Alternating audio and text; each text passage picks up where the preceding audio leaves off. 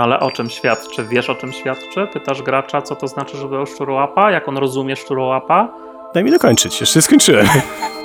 Dałem ci czas na zaśmiałeś się z żartu, nie skorzystałeś, przykro mi. To ja często inspiruję się do zadawania takich pytań dreadem. Dread, e, nie dreadem z RPGówka, e, z tylko, e, tylko dreadem systemem. Trzech kolesi, sześć opinii. Witajcie w kolejnym odcinku podcastu Trzech Kolesi, Sześć Opinii. Podcastu, w którym będziemy sobie dyskutować o RPszkach i popkulturze. A w dzisiejszym odcinku z RPszków czeka nas temat sesji zero. Nie tylko sesji zero, bo będziemy rozmawiali dosyć szeroko o ogólnie idei przygotowania takiego wspólnie z graczami do sesji, szeroko rozumianego właśnie jako sesja zero, czyli najpierw sobie właśnie spróbujemy ją zdefiniować, czy w ogóle da się, jakie są nasze definicje sesji zero. E, Potem pogadamy sobie trochę na temat tego, co warto na takiej sesji zero ustalić, a na końcu parę słów na temat narzędzi, jakie mogą być użyteczne właśnie do wykorzystania podczas e, organizowania takiej sesji zero, podczas jej przeprowadzania. Natomiast z popkultury Bartek powie nam troszeczkę dzisiaj o Mission Impossible. Ja wspomnę parę słów na temat niemieckiego na zachodzie bez zmian, a Janek jakieś ma Make Me a Sandwich i nawiedzony dwór w Blaj. Nie mam pojęcia, co to jest. Czekam z niecierpliwością, żeby się dowiedzieć, ale ja tutaj mówię, o czym będziemy gadać, a zapomniałem się w ogóle przedstawić. Więc, e, tak jak mówiłem, jednym z naszych dzisiejszych gospodarzy jest tutaj Bartek. Bartek, proszę. Cześć, witam was serdecznie. A drugi Jan, Janek Drachal. Cześć, cześć. Tak. I ja, nieporadny tutaj główny, powiedzmy, dowodzący tego odcinka, Adam Studziń-Studziński, który już od początku się miesza. Więc, żeby nie zajmować tego czasu antenowego, przeskoczmy sobie szybko do, do Bartka. Bartek nam dzisiaj opowie parę słów na temat nowego Mission Impossible, ponieważ był w kinie i z tego co dobrze pamiętam jest zachwycony. Czy to prawda? E, Zachwycony to może zbyt duże słowo, ale bawiłem się świetnie. Kolejny, moim zdaniem, bardzo udany film Toma Cruza, bo Top Gun Maverick. No, Top Gun Maverick mnie zachwycił, muszę przyznać. Mission Impossible nie jest może na aż tak wybitnym poziomie, ale wciąż jest to świetne kino akcji w sam raz na wakacje, więc gorąco polecam. Nie wiem, jak tam wasza przygoda z Mission Impossible do tej pory wyglądała. Oglądaliście poprzednie części, Fallouta chociaż? Jak to u was Wszystkie. wygląda? Lubicie, nie lubicie? Wszystkie. No ty Ja Janek, widziałem- Ja lubię. Nie wiem. Jeden na pewno, ale czy więcej to nie pamiętam, szczerze mówiąc. Najbardziej klasyczną odsłonę, tak? Briana De Palmy. Ja też widziałem wszystkie, wszystkie poza może dwójką mi się podobały. Jest w tych filmach coś takiego, co sprawia, że jednak są ekscytujące, pomimo że fabuła jest strasznie głupia i niepotrzebnie zagmatwana w każdej praktycznie odsłonie, ale napięcie i sposób prowadzenia akcji faktycznie trzymają cię na krawędzi fotela przez cały czas i bardzo podobnie jest w najnowszej części o jakże melodyjnie brzmiącym tytule Mission Impossible Dead Reckoning Part 1. Pojęcia nie mam jak ten e, tytuł jest po polsku, ale biorąc pod uwagę konwencję poprzednich pewnie jest tak samo.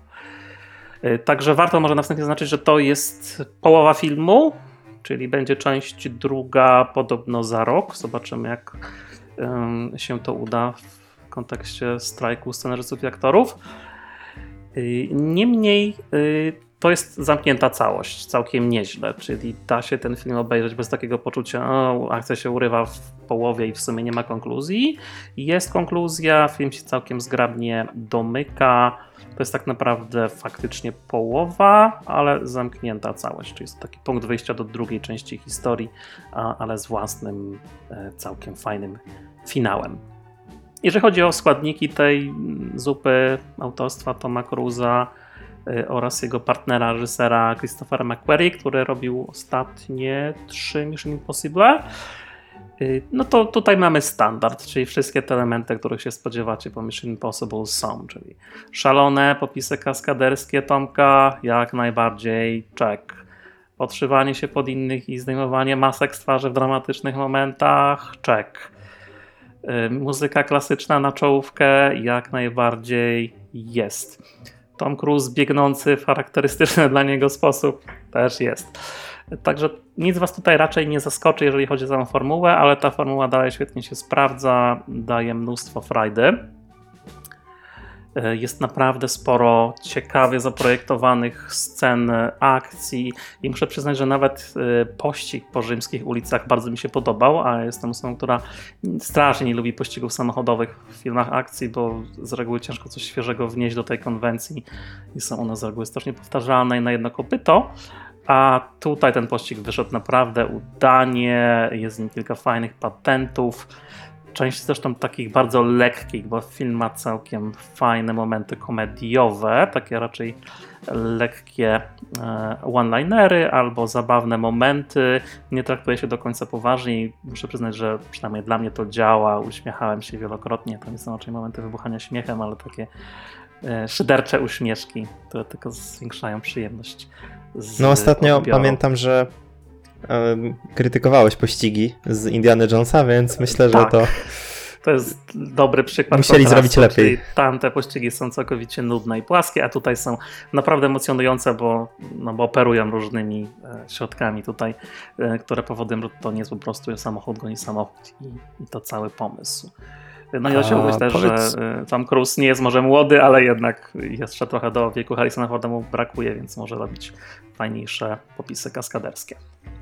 A powiedz mi proszę Bartek, bo ja, ja jestem fanem raczej Mission Impossible, to są takie dla mnie, wiem po co tam idę, wiem co otrzymam i zawsze to, te filmy dowożą po prostu. Generalnie filmy z Tom Cruise mam wrażenie, że dowożą, ale nie o tym chciałem. E, powiedz mi jak tam plany, bo mi się ta seria kojarzy, zwłaszcza te nowsze części z takimi bardzo ładnymi, często super ujęciami na jakieś takie dla nas trochę egzotyczne widoki. Są i to całkiem sporo. Są bardzo fajne ujęcia podczas walki w zamiecie piaskowej. Trochę to jak w Ghost Protocol, tylko tutaj mamy jakieś e, pustynne ruiny zamiast e, dubajskich wieżowców. No ale też są świetne pościgi przez Wenecję. Jest wielka rejwowa impreza w Pałacu Dożu w Wenecji. Jest wielkie lotnisko w Amsterdamie. Są szwajcarskie Alpy bodajże. Także tych planów naprawdę jest sporo, nie wyglądają kliszowato. Także widać, że twórcy dalej próbują iść w ciekawych kierunkach. No i oczywiście akcja, która się rozgrywa w tych wszystkich fajnych lokacjach, e, też nie jest sztampowa. Faktycznie te sztuczki, popisy dalej są świeże, no i są świetnie zrealizowane. Mnie przynajmniej cały czas trzymały na krawędzi fotela i, dużo jest takiej pozytywnej energii w tym filmie. No bo tam, nie czarujmy się, nie ma za bardzo fabuły, jest ona, tak jak w poprzednich sensjach, e, seriach pretekstowa, niepotrzebnie zagmatwana, prawdopodobnie w ogóle bezsensowna, jakby się nie dłużej zastanowić zastanowić, ale nie ma czasu się nad nią zastanawiać, bo film cały czas daje nam coś fajnego, a, a nawet jak na chwilę zwalnia, to zapowiada kolejną fajną scenę. E, także tempo, dynamika naprawdę fajne. Y, trochę z tym filmem mam takich problemów, które wydaje mi się, że wynikają z problemów produkcyjnych, czyli pandemii. Y, jest trochę takich wątków, które wydają się dziwnie urwane albo nie, nierozwinięte. Żaden z nich nie psuje raczej odbioru całości, ale ma się takie wrażenie, że czegoś tutaj brakło z jakiegoś powodu. Na przykład jeden z głównych członków drużyny Itana w finale, właśnie tuż przed finałem stwierdza, że on teraz sobie pójdzie y, nie będzie go dalej w filmie, bo ma ważne rzeczy do zrobienia i faktycznie dalej go nie ma. Nie jest to taki wybieg, że wróci w dramatycznym momencie, żeby pomóc bohaterom, tylko po prostu znika mm, bez żadnego konkretnego powodu. Także mam wrażenie, że to są jakieś mm, problemy produkcyjne. Trochę takich momentów jest, trochę to drażni, ale przyjemności z rozgrywki nie odbiera. Bardzo fajna jest w ogóle nowa postać, którą gra Hayley Atwell, taka nowa yy, damska partnerka dla Itana, chociaż wraca też Ilsa Faust grana przez Rebecca Ferguson. E, obie aktorki fajnie się spisują w tej roli, mają świetną chemię z Tomem Cruzem i, i, wszystkie sceny, e, gdzie, gdzie są te dwie pary albo nawet trio wypadają bardzo fajnie. Także też miło się ogląda popisy aktorskie. Nie jest to oczywiście jakieś głębokie aktorstwo, ale ta chemia między postaciami, której moim zdaniem brakło w Indianie Jonesie, tutaj zdecydowanie gra na ekranie i powoduje, że fajnie się ogląda skapady naszych bohaterów. Co jeszcze? Polskie akcenty są. Mnie to nigdy nie, nie ekscytowało specjalnie jak was, czy tam nacieracie się faktem, że Marcin Dorociński gra małą rulkę w Mission Impossible. No ale gra. Jest w prologu dosłownie na kilka minut. Y, nie jest to żadna istotna rola, chociaż mam wrażenie, że może wrócić jako postać w drugiej części, ciężko powiedzieć. W każdym razie jestem tylko na chwilę. Y, jeszcze z przyjemnych akcentów, jak przetrzepywana jest y, postać Haley Atwell w, we włoskiej ambasadzie i wyciągają jej wszystkie fałszywe paszporty, które ma u siebie w torbie, to jeden, na który jest wyraźne, charakterystyczne zbliżenie, ma Rzeczpospolita Polska z złotymi literami. Także mam Lepiej Dorociński niż Tak AI jest. w intro. Także pewnie Dorociński wynegocjował takie, takie mrugnięcie. A on gra Rosjanina? Tak szybko zapytam. Tak. Podobnie jak Oczywiście. chyba w większości swoich ról, nie? Jak w y, Gambicie Królowej chociażby. Tak.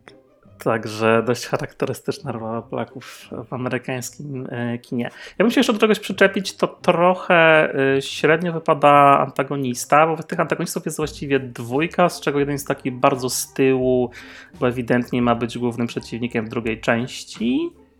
E, Ale trochę szkoda, bo, bo ten antagonista wydaje się dużo bardziej interesujący. Nie będę spoilować, ale główny spisek tutaj jest całkiem fajny. Natomiast ten pierwszy antagonista, z którym faktycznie tam w finale się można naparzać na dachu pociągu, jest taki trochę nijaki. Jest też zasygnalizowana jakaś przeszłość pomiędzy nim i Tanem w takich retrospekcjach, z których nie rozumiem o co chodzi, bo to są jeszcze jakieś wydarzenia chyba sprzed czasu w ogóle nawet pierwszej części Mission Impossible, ale film nigdy nie wyjaśnia, co tam się właściwie wydarzyło, więc zakładam, że to też wróci w kolejnej części, no ale to trochę późno na to, żebym się zainteresował antagonistą. Ale też jakoś specjalnie to nie przeszkadza. No mówmy się, że poprzednie filmy też nie miały jakichś specjalnie dobrze zarysowanych antagonistów, licząc może trójki, gdzie był Philip Seymour Hoffman w świetnej roli. No ale to też jakoś specjalnie nie przeszkadza. Po prostu jest tym złym, który psuje szyki bohaterom. Bardzo fajna jest w ogóle y, scena na lotnisku w Amsterdamie, tak RPGowo nawet można by się z niej paru nauczyć, jak fajnie buduje się dynamiczne sceny akcji, w których się wrzuca mnóstwo elementów i cały czas ta scena eskaluje. Zaczyna się prosto, trzeba po prostu znaleźć pewnego biznesmena na lotnisku i podwędzić mu pewien ważny przedmiot. I, a oczywiście wszystko zaczyna się komplikować, bo nagle się okazuje, że jest druga postać, która ten przedmiot właśnie ukradła. W dodatku jest na lotnisku bomba, którą trzeba rozbroić, a jeszcze y, pojawiają się żołnierze służb specjalnych, którzy polują na Itana i chcą w ogóle zamknąć w areszcie. I to wszystko się dzieje naraz mi- i świetnie się rozgrywa na ekranie. To mi przypomina trochę kota w butach. Tam też pamiętam, że jest jedna taka bardzo fajna scena yy, zdobywania właśnie czegoś i tam rosną stawki, coraz więcej się dzieje właśnie tak. Tak, tak, no. Dobrze to brzmi. Tak, także jakby ktoś chciał dobry przykład, jak budować takie sceny akcji na sesjach z rosnącymi stawkami, to też może się na tej scenie lotnisku moim zdaniem trochę powzorować. Właściwie tyle. Także ja się bawiłem znakomicie. Bardzo dobry film na lato. Polecam zobaczyć na dużym ekranie, bo faktycznie jest dużo ujęć, które zdecydowanie na wyjście do kina zasługują. Jest ten oczywiście popisowy numer, który pewnie widzieliście gdzieś tam na trailerach. Tom Cruise skacze z Cliffa na motocyklu. Bardzo fajnie ta scena wygląda. Yy, Także Mission Impossible dalej daje radę. Moim zdaniem od wielu, wielu lat trzyma solidny poziom, nawet coraz lepszy, bo Fallout też mi się bardzo podobał. Zdecydowanie jedna z lepszych części. No i The Reckoning też wyszło świetnie, także czekam z niecierpliwością na drugą część. Być może ostatnią, bo Tom Cruise zdaje się na tym planuje zakończyć karierę w Mission Impossible, ale co z tego wyjdzie pewnie zobaczymy. No, should you choose to accept it, kolejną część, nie? E, Tak, ten motyw też oczywiście wraca jako element recepty jest. Dobra, to dzięki za te recenzje. E, w takim razie przejdźmy do naszego głównego tematu odcinka, czyli sesja zero. I zaczniemy sobie pewnie od definiowania tej sesji zero, dlatego jeszcze zanim do tego przejdziemy, krótki disclaimer, który jest oczywisty, ale i tak go przypomnę. My tu nie tworzymy definicji takiej ogólnej sesji zero, tylko taką, wiecie, naszą własną, po to, żeby My zmieniamy wiedzieć, o czym będziemy siebie, żeby nam pasowały do odcinka. tak, generalnie tak. Prawdopodobnie definicje, które czegokolwiek podaliśmy w poprzednich odcinkach, ja już się pewnie z nimi nie zgadzam w pewnej części, bo już moje poglądy na ten temat ewoluowały. E, no, ale to tak wiecie, e, żeby, żeby, nie było, os- ostrzegaliśmy. E, więc właśnie pierwsze pytanie moje do was jest takie, Bartek się e, trochę nagadał, więc może zapytam Janka. Janek, czym według ciebie jest, a czym nie jest sesja zero? Czy masz na to jakąś taką swoją definicję albo coś dookoła definicji? Mm, Dobrze, no więc dla mnie przede wszystkim sesja nie musi być konkretnie spotkaniem, taką sesją, gdzie spotykamy się i, i, i omawiamy rzeczy, tylko sesja może być dużo bardziej szerokim pojęciem. Sesja zero konkretnie może być mm, zestawem jakichś ustaleń, które zbieramy zanim zaczniemy właściwą grę i te ustalenia mogą być, mogą trwać wiele tygodni, mogą trwać jeden wieczór, możemy się faktycznie spotkać i omówić te pewne zasady, które będą obowiązywały. Albo może to być nawet zbieranina jakichś takich zasad i reguł, które panują przy stole przez większy, jeszcze większy czas, ale, no ale wtedy to już nie będzie sesja zero, tylko ogólnie jakieś takie house rule, które, które sobie ustalamy. Natomiast y, mówiąc bardziej szczegółowo, no to zasady dotyczące tego, w jaki sposób jemy na sesji, dotyczące tego, w jaki sposób y, się spóźniamy tu lub się spóźniamy wetnę. na sesję. To, co na sesji ze sobą ustalamy, to będziemy mówili później, nie? Tylko takie ramy chciałbym, żebyś ustalił, co... co, co Aha, no nie, dobrze. Nie, nie, nie o czym na niej mówimy, tylko, tylko, co, tylko czym ona po prostu jest, nie? No to jest ona przede tak? wszystkim. Tak, jest ona przede wszystkim ustaleniem tego, na co się zgadzamy i na co się nie zgadzamy na, mm, podczas rozgrywki, podczas sesji i też definiuje to, co może się zmieniać w trakcie sesji bądź między sesjami, dlatego że to też czas, często jest warto zaakcentować, że coś się może jeszcze zmienić bądź nie. A masz wrażenie, że są pozytywy traktowania sesji zero jako tej w cudzysłowie sesji, czyli faktycznie spotkania się twarzą w twarz przy stole, bo pewne rzeczy niekoniecznie łatwo jest ogarnąć, kiedy umawiasz się z każdym indywidualnie albo przez jakieś Skype, Discordy. Tak, największy plus według mnie spotkania się fizycznego, bądź no choćby tego Skype'a, gdzie faktycznie wszyscy jesteśmy w jednym miejscu i omawiamy to równocześnie, nie jest to Messenger, Facebook, WhatsApp, cokolwiek, tylko faktyczne, y, tylko faktyczne spotkanie, już skupmy się na tym spotkaniu fizycznym, to to, że poświęciliśmy swój czas, żeby to omówić i nie będzie roz... nie ma takich rozpraszaczy w stylu, dobra, wiecie co, bo ja muszę pójść po kawę, dobra, bo ja wstanę, bo ja coś tam, tylko faktycznie poświęciliśmy na to czas, umówiliśmy się na to i skupimy się na tym, żeby zrobić to jak najlepiej. To jest chyba główny plus. Ja bym jeszcze dodał, że to pozwala trochę poznać ludzi, z którymi będziesz grać, jeżeli to jest twoje pierwsze z nimi spotkanie takie sesyjno-RPGowe. No i też trochę się między nimi zintegrować, nie? Żeby nie No, pierwsze spotkanie nie następowało pewnie. od razu od wejścia w sesję, bo to faktycznie może być dla niektórych krępujące, tak można chociaż trochę lodów przełamać. Ja też staram Pewnie. się A ciekawi mnie- to... Mhm. a ciekawi mnie, czy sesje zdarzały się na przykład skończyć y, kampanię na przykład na sesji zero, bo na przykład ktoś stwierdził, że ej, z tym człowiekiem ja się jednak nie dogadam, może, może jednak nie grajmy Całe dalej. kampanie nie, ale zdarzało mi się wykluczyć graczy na sesji zero, albo gracze podziękowali mi na sesji zero i stwierdzili, że to nie jest ich typ grania. A, ciekawe, ciekawe. Także no to ja nie spełnia miałem tą swoją takiego. rolę. Nie zdarzyło mi się Okej. samemu odrzucić sesji na sesji zero nigdy. Mhm. No, też Eee, raczej dlatego, że dość świadomie czytam opisy, albo jak już wchodzę w granie z kimś, to y, staram się jednak szanować jego wkład i jak się zdeklarowałem, to do, dograć do końca. Słuchajcie, ja mam trochę inną definicję, taką luźniejszą bym powiedział. Z jednej strony mm, luźniejszą co do punktu, kiedy sesja 0 się zaczyna, a trochę bardziej restrykcją co do tego, kiedy sesja 0 się kończy. Czyli dla mnie sesja 0 to jest ogół ustaleń przed grą i zaczyna się ona już właśnie w momencie tworzenia ogłoszenia. Nie? Czyli ten punkt, od którego, w którym wchodzimy w interakcję my jako mistrzowie gry, e, e, z graczami, a my jako gracze z innymi graczami i mistrzami gry. E, Już w momencie tak naprawdę przygotowania właśnie jakiegoś ogłoszenia, czy że poszukujemy grupę i tak dalej, to dla mnie to już jest start taki szeroko, mówię, to jest bardzo luźna definicja tej, tej, tej sesji zero. I sesja zero kończy się wtedy, kiedy zaczynamy korzystać z zasad generalnie, czyli nie, że omawiamy, w jaki sposób będziemy korzystać z zasady, bo to jak najbardziej może być na sesji zero, o tym potem, według mnie. Natomiast e, kiedy już z nich faktycznie korzystamy, to raczej to już tego sesją zero bym nazywał. I co mi to daje, to chodzi mi o to, że tworzenie postaci dla mnie nie jest już elementem sesji zero. Ja wiem, że jeżeli z niej z sesji zero to jest osobne, sesja zero to jest osobne spotkanie, to częstokroć wykorzystuje się to od razu po to, żeby te postaci stworzyć i jak najbardziej nie mam nic przeciwko temu, rozumiem to podejście. Natomiast e, stawiam tą kreskę dlatego, że często właśnie sesje zero sprowadzają się prawie tylko i wyłącznie do tworzenia postaci, a według mnie to trochę nie o to jakby w nich, w nich chodzi, nie, nie, nie, że to jest tylko jeden z wielu elementów, dlatego trochę przewrotnie wyrzucam to poza nawias.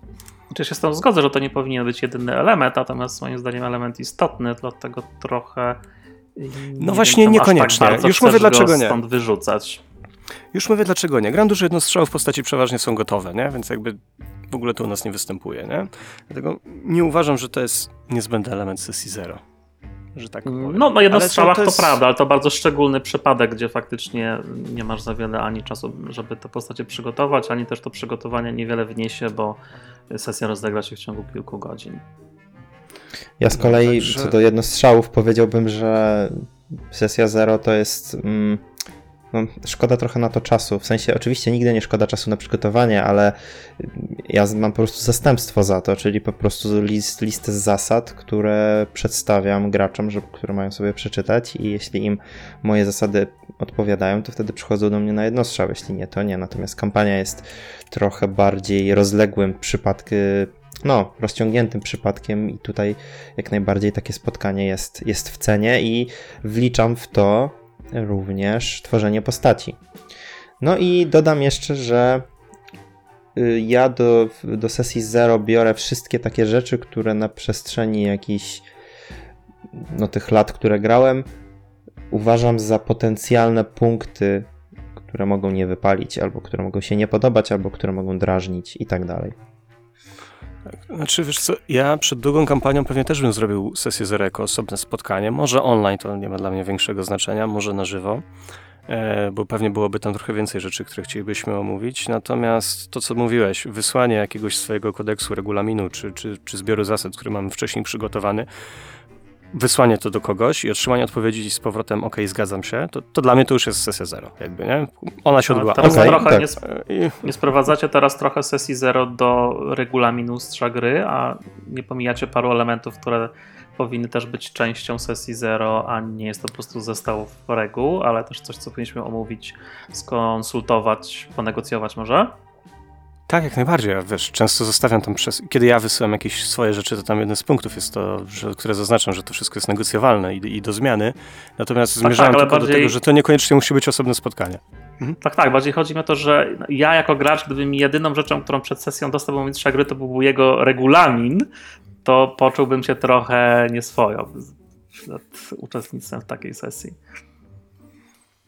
No tylko e, wiesz... Tak no mów Janek, mów. Jakby jednostrzały, jednostrzały rządzą się takimi dość specyficznymi prawami, dlatego ja na przykład staram się, jak opisuję jednostrzał, możliwie szeroko, szczególnie dla nieznanego odbiorcy, możliwie szeroko opisać to, wylistować listę triggerów i różnych takich rzeczy, pod, które potencjalnie mogą się nie podobać. I wiesz, też, no, jeżeli robię takie ogłoszenie w internecie, no to wszyscy jesteśmy ludźmi. Jeżeli ktoś do mnie napisze prywatną wiadomość, no to może zapytać, czy, czy coś tam jest, wchodzi w grę, czy nie. I, I to jest właśnie ten element negocjacji, o którym mówisz. Natomiast ja osobiście nie widzę miejsca na sesję zero, która trwa, nie wiem, godzinę czy dwie, w momencie, w którym gramy 4 godziny sesji, no bo to jest mm, trochę. No tak, ale sami zgodziliście się, że sesja zero to nie jest tylko to spotkanie, które robimy twarzą w twarz, tylko całe elementy koordynacji no tak. pomiędzy, więc na jednostrzałach moim zdaniem jak najbardziej jest czas, żeby te wszystkie elementy ogarnąć albo telefonicznie, albo w indywidualnych spotkaniach, albo przez jakieś messengery żeby faktycznie na już aktualnej sesji faktycznej go nie tracić, a jakby to nie dyskwalifikuje tych elementów, tylko przesuwamy je w trochę inne miejsca, żeby oszczędzać czas. Tak, tak, tak. Mhm, zgadza się. E, ale sam powiedziałeś jakby, że to nie jest tylko regulamin stołu, nie? Że to są BHS-y, mhm. że to jest zaprezentowanie tak. twojej wizji czy stylu prowadzenia, e, więc no, tych elementów jest więcej niż tylko ten regulamin, nie? Przecież warto tak, to tak, tak. zaakcentować, tak. bo to takie trochę jest e, jak to nazwać, że mistrz gry po prostu próbuje wyforsować jakąś swoją wizję i w sumie my mamy się z nim zgodzić albo won, nie? Przynajmniej takie wrażenie jest, oczywiście ono mm. może być fałszywe, ale no, gdyby to był sam regulamin, znaczy, to się trochę w tym, poczuł. W tym określeniu znaczy w tym określeniu sesja jest trochę myląca, bo sesja jakoś tak z automatu nam się kojarzy z spotkaniem, które trwa ileś czasu, ale faktem jest, że tak jak wspomniałeś, tak jak w sumie obydwaj wspomnieliście, jest to zbieranie pewnych zasad przez różne rodzaje mediów, nie? No właśnie, a mam do Was takie pytanie, bo zatem powiedziałeś o tych ogłoszeniach, co jakby sugeruje, że często szukasz sobie po prostu graczy y, po sieci, co nie znaczy, że grasz w sieci, tylko po prostu zbierasz drużyny z ludzi, którzy są chętni y, zagrać historię, którą chcesz im poprowadzić. Czy uważasz, że są różnice między sesją zero dla ludzi, z którymi grałeś już wiele razy, a sesjami zero dla nowych ludzi, o których nic nie wiesz? E, to było do mnie? Bo nie, nie dosłyszałem. No. Tak, e, tak, Czy- tak, tak. Tak, tak, usłyszałem pytanie, nie słyszałem czy do mnie.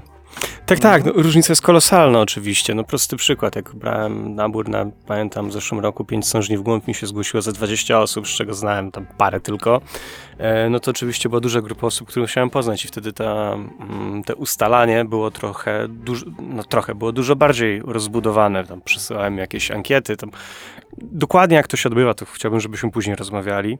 Natomiast jeżeli, wiecie, gramy ze, ze stałą swoją ekipą, to, to sesja zero się pra- prawdopodobnie sprowadzi tylko do tego, to co, tak jak zawsze? Tak, tak jak zawsze. I to jest cała sesja zero. Tak? A, widzisz, a tu się z tobą nie zgodzę i widzę, że Janek też kręci głową, bo moim zdaniem są elementy, które Nie. są zawsze na sesji zero, nawet jak grasz tymi ludźmi od 20 lat. A To jak to do ciebie, Janku, wygląda? Tak. Dlatego są te elementy stałe i niezmienne, bo my się zmieniamy jako ludzie. Więc bardzo ważne jest uwzględnienie tego, że w sytuacji każdego z nas mogło się coś zmienić. Szczególnie nawet jeżeli jest to ekipa stała, z którą spotykamy się, nie wiem, raz w tygodniu, czy raz na dwa tygodnie, czy whatever. To wciąż mogą być takie elementy w życiu prywatnym tych ludzi, które mogły się mocno ostro pozmieniać. I nie chcę tutaj schodzić oczywiście i sprowadzać sesji zero do BHS-ów, ale warto jest również o tych BHS-ach pamiętać nawet w stałej ekipie. Tak, to Okej, akurat jest ale- może nie jedyny element, ale ważny, który no, zawsze jest warto przegadać, nie? Nawet Okej, jeżeli to będzie szybkie nas- 5 minut. No to dobra, słuchajcie, ale no to e, rozumiem, ale jakby. E, czy w tym moim pytaniu, tak jak zawsze, odpowiedź wtedy nie, nie tak jak zawsze, bo coś tam i coś tam, to, to, to O, trochę. No ale tak jak załatwia? zawsze nie daje ci możliwości stwierdzenia, co może nie być tak jak zawsze, nie?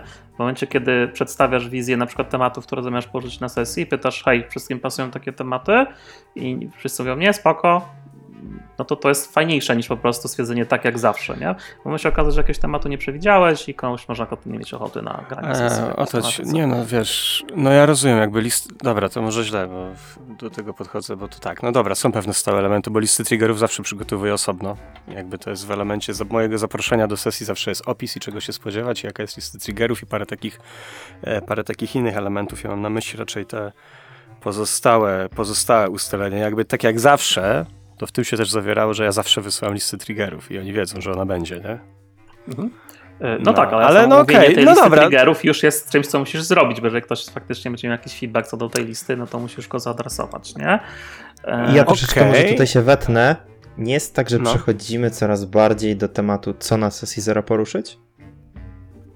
E, Trochę tak, e, więc może faktycznie zapauzujemy temat. Ja tylko szybko jeszcze dorzucę, że ja na sesji zero stawiam zawsze i tak dorzucam rzeczy, które chcę omówić pod ten konkretny scenariusz, czyli kwestia o czym to będzie, czego ja od nich oczekuję w tej konkretnej historii, być może jakimi postaciami oni będą e, manipulować w tej grze, także te elementy moim zdaniem i tak muszą być niezależnie od tego, jak dobrze znamy naszą ekipę. Okej, I dobra, to, to ja chyba was źle... za chwilę. Mhm. Ja chyba was źle zrozumiałem, bo ja też mam takie rzeczy, które po prostu zawsze się zmieniają, no bo to są, to są różne sesje. Mam raczej na myśli, że zbiór tych zasad stołu pozostaje taki sam, czyli lista BHS, No tak. jakich będziemy korzystać, albo tak, a jakby samo ich wypełnienie tych, tych, tych, tych narzędzi i tych, tych, tych jakich innych rzeczy, to, to, to się siłą rzeczy zmienia, no bo możemy raz gramy No, horror, raz gramy sielankę. Dla mnie, dla mnie zostały sto, Okej. zasady stołu to jest może 10% sesji zero. Nie? Tak, tak, no to tu rzućcie takim nie przykładem. mam też nie? specjalnie restrykcyjnych zasad stołu. No to też wrócimy sobie pewnie do szczegółów w kolejnej części nagrania. Nie? No. E, ja bym miał dla Was tylko jeszcze takie jedno, zanim przejdziemy dalej. Pytanie. E, czy dobrze zrobiona sesja zero zapewnia udaną grę? Krótko, tak czy nie? Nie, ale być może jak jej nie zrobimy, to będzie gorzej niż mogłoby być. Janek? Ja też uważam, że nie. Okej. No ja też się z tym zgadzam, więc pamiętajcie, my tutaj nie będziemy, Nie. nie ważymy Nuda. tutaj eliksiru, który rozwa- rozwiąże wszystkie wasze to ja, to ja muszę, sk- muszę skontrować. Ale tak jest, niestety. E, Okej. Nie ma idealnych Ale zgadza recept, się tak, że, że, że bez sesji zero jest dużo większa szansa, że to się mm, nie uda. Nie? Jakby to jest tylko. To jest minimalizacja zagra- Im mniej znamy naszych graczy, tym ta szansa jest większa, tak bym to podsumował. Tak. To jest minimalizacja No ja powiem szansy tak, że powodzenia, jeśli- nie gwarancja. Jeśli nie Tak, robicie mów, mów. ser- sesji zero, to prosicie się o, po prostu o problemy. Tak, ja też mówię, że ja nie mam czasu, żeby nie robić sesji zero, bo jakby za mało mam czasu na sesję, żeby potem one były nieudane. e, dobra, ale co na tych sesjach zero, czy, czy w ogóle na tych wszystkich przygotowaniach, bo już ustaliliśmy sobie, że ta, ten termin dla nas, termin sesji jest trochę mylący, bo to przeważnie nie, nie, nie jest tylko spotkanie, to trochę wykracza poza ten temat. E, powiemy, e, zrobimy sobie mały skok w bok na, Na kulturę. front zachodni. E, Okej, może być. Może być, Co może być. panie na zachodzie? O, mm, obejrzałem na zachodzie bez zmian wielki zeszłoroczny hit Oscarowy, który wpisuje się w tą stare przysłowie, że jeżeli ch- chcesz, żeby twój film dostał Oscara, zrób go o wojnie. Co prawda mówił o II wojnie światowej, ale myślę, że pierwsza też podchodzi pod to. Myślę, że warto podkreślić, że film dostał Oscara tylko w kategorii filmu zagranicznego, bo statuetkę za najlepszy film e, w Tak. głównej kategorii zgarnęło Everything Everywhere at Once. Wszystko Tak, wszędzie wszystko, wsze, wszystko wszędzie, wszystko wszędzie. e, Który nie jest wszystko filmem o wszędzie wojnie. Jest o wszystkim, więc to inna sprawa, ale nie, nie zbaczajmy na to. Zdobył jeszcze parę innych statuetek, jeżeli chodzi o to na zachodzie bez zmian, w tych takich e, technicznych bardziej, powiedzmy, Za kategoriach. czy zdjęcia i za muzykę chyba, nie? I za scenografię. E, co mnie nie dziwi, bo to jest ładnie zrobiony film. Chociaż muzyka akurat mi z niego w, w pamięci jakoś nie zapadła. E, pokrótce, no zacznę od tego, gdzie go obejrzeć? Na Netflixie. Jak to się stało? Zapytacie studzi, że go obejrzałeś na Netflixie, skoro niedawno mówiłeś, że rezygnujesz z Netflixa. Otóż Ala wykupiła Netflixa i korzystam z jej. Haha. Masz wymówkę teraz. Tajemnica. tak. E, no, obejrzałem dzisiaj długi, dosyć, 2,5 godziny prawie, że. E, film na podstawie książki o tym samym tytule. Tu od razu powiem, że książki nie czytałem, chociaż film mnie zainteresował na tyle, że chętnie bym e, sobie po tą książkę sięgnął, tym bardziej, że ona nie jest jakoś bardzo długa, z tego co wiem. E, no i mówi o realiach życia na froncie zachodnim II wojny światowej, e, pf, pierwszej wojny światowej z perspektywy e, niemieckiego żołnierza, młodego i jego tam grupy kolegów, ale wszystko jest jakby przyjęta jest jego perspektywa. Bohater nazywa się Paul, Paul Baumer. W tej roli bardzo dobrze sprawdza się młody aktor Felix Kammerer. E, Może i warto chyba podkreślić, że to jest niemiecki film i z niemieckimi Tak, aktorami. właśnie chciałem to po powiedzieć. niemiecku. Właśnie chciałem powiedzieć, że film jest niemiecką produkcją, cały jest niemie niemieckojęzyczny. Mm, I generalnie, jeżeli tam w filmie występują Francuzi, to oni też mówią po francusku, także jest jakby tak e, oddaje, brzmi tak, jak faktycznie to wszystko mogło brzmieć, o, jeżeli chodzi o języki. E, no i o czym jest ten film? No, on jakby Myślę, że duża część sukcesu tego filmu opiera się na tym, że, nie, że niedawno wybuchła wojna w Europie, dosyć istotna, a ten film w bardzo ładny sposób odziera całkowicie wojnę z jej romantyczności. Jeżeli jakąkolwiek romantyczność można przypisać wojnie, a myślę, że tak robią rządy, które chcą, żeby ich obywatele na te wojny szły i, gi- i ginęły setkami i tysiącami, no to warto wtedy taką wojnę ubrać w romantyczność. Ten film wprost przeciwnie, odziera całkowicie tą wojnę z romantyczności, więc widzimy tam dużo życia w okopie i nie tylko. Widzimy tam mnóstwo błota, brudu, e, warunków. Widzimy ludzi, którzy tracą swoje życie non-stop, e, którzy tracą zmysły z tego wszystkiego, co tam się dzieje. Nie ma tam ani krzty jakby usprawiedliwienia dla tego konfliktu, który ma miejsce. Także ten film ten film i z tego co zrozumiałem też ta książka jest bezpośrednią krytyką wszelkiej wojny jako rzecz, która jest generalnie bezsensowna. Często w tym filmie, znaczy parokrotnie w tym filmie padają takie właśnie stwierdzenia, że po co ci po śmierci honor, ktoś tam umarł z honorem, ale teraz nie żyje i co mu po tym honorze i tak dalej. Także tutaj przesłanie jest jasne i zrozumiałe od samego początku do samego końca. Zresztą film zaczyna się taką sceną, jak ta grupa młodych chłopaków, ich tam jest czterech czy pięciu, w wieku lat chyba 17, zaciągają się do wojska. E, i widać, że są tacy nabuzowani energią, tacy jakby ktoś ich trochę zmanipulował, z tego co wiem w książce to był ich nauczyciel, tutaj ta, ten motyw raczej się nie pojawia. E, po prostu zostali pod wpływem jakiejś propagandy nakręceni na to, że warto iść i umierać i że zwycięstwo jest tuż za rogiem, wystarczy tylko się po nie schylić. A już dosłownie parę minut potem mamy ich, widok ich jak są w okopach i umierają po prostu jeden po drugim. E, no, także pod tym, jeżeli chodzi o wizualia tego filmu i przedstawienie okropieństwa wojny, e, to no, ja nie mam porównania oczywiście, bo na wojnie nie byłem, ale bardzo, bardzo mnie przekonał, że tak to może faktycznie wyglądać. E, może warto podkreślić, bardziej... że Remark, czyli autor oryginału, był weteranem I wojny światowej. Tak, Eee, tak, tak, nie wiedziałem. Znaczy, no prawdopodobnie musiał być. Ciężko mi sobie wyobrazić, żeby to z taką, tak, tak, tak, tak dobrze oddać, nie, nie wiedząc o czym, o czym się mówi. A, zgadu, a słyszałem, że film jest dosyć wierny książce. Eee, ale wracając, eee, słuchajcie. To, co w tym filmie mi się średnio podobało, to te sceny właśnie pomiędzy kiedy mamy ujęcia, kiedy negocjowane jest, e, kiedy negocjowane jest zawieszenie broni z Francuzami, jakieś takie, takie, takie elementy, kiedy to po prostu wszystko, wszystko zwalniało. Ja wiem, że one tam były te sceny potrzebne i jakby nie, nie krytykuję ich, że w ogóle występują. Właśnie tego wątku nie ma w powieści, tak swoją drogą. Ja słyszałem, że w powieści on po prostu wraca do domu na jakiś czas i zderza się. E, z to też, bo tam jest eksploatowany ten moment już niemożliwości prowadzenia zwykłego życia, ale chodzi o to, że no nie właśnie. ma w książce tego wątku negocjacji pokojowych. Jest tylko perspektywa tak. żołnierza. No, ale jest taki zabieg prawdopodobnie, który ma tylko podkreślić tą różnicę nie? pomiędzy panami e, w garniturach za stołami, a, a tym, co się faktycznie dzieje i że tam jeden podpis e, iluś tam martwych pada na froncie.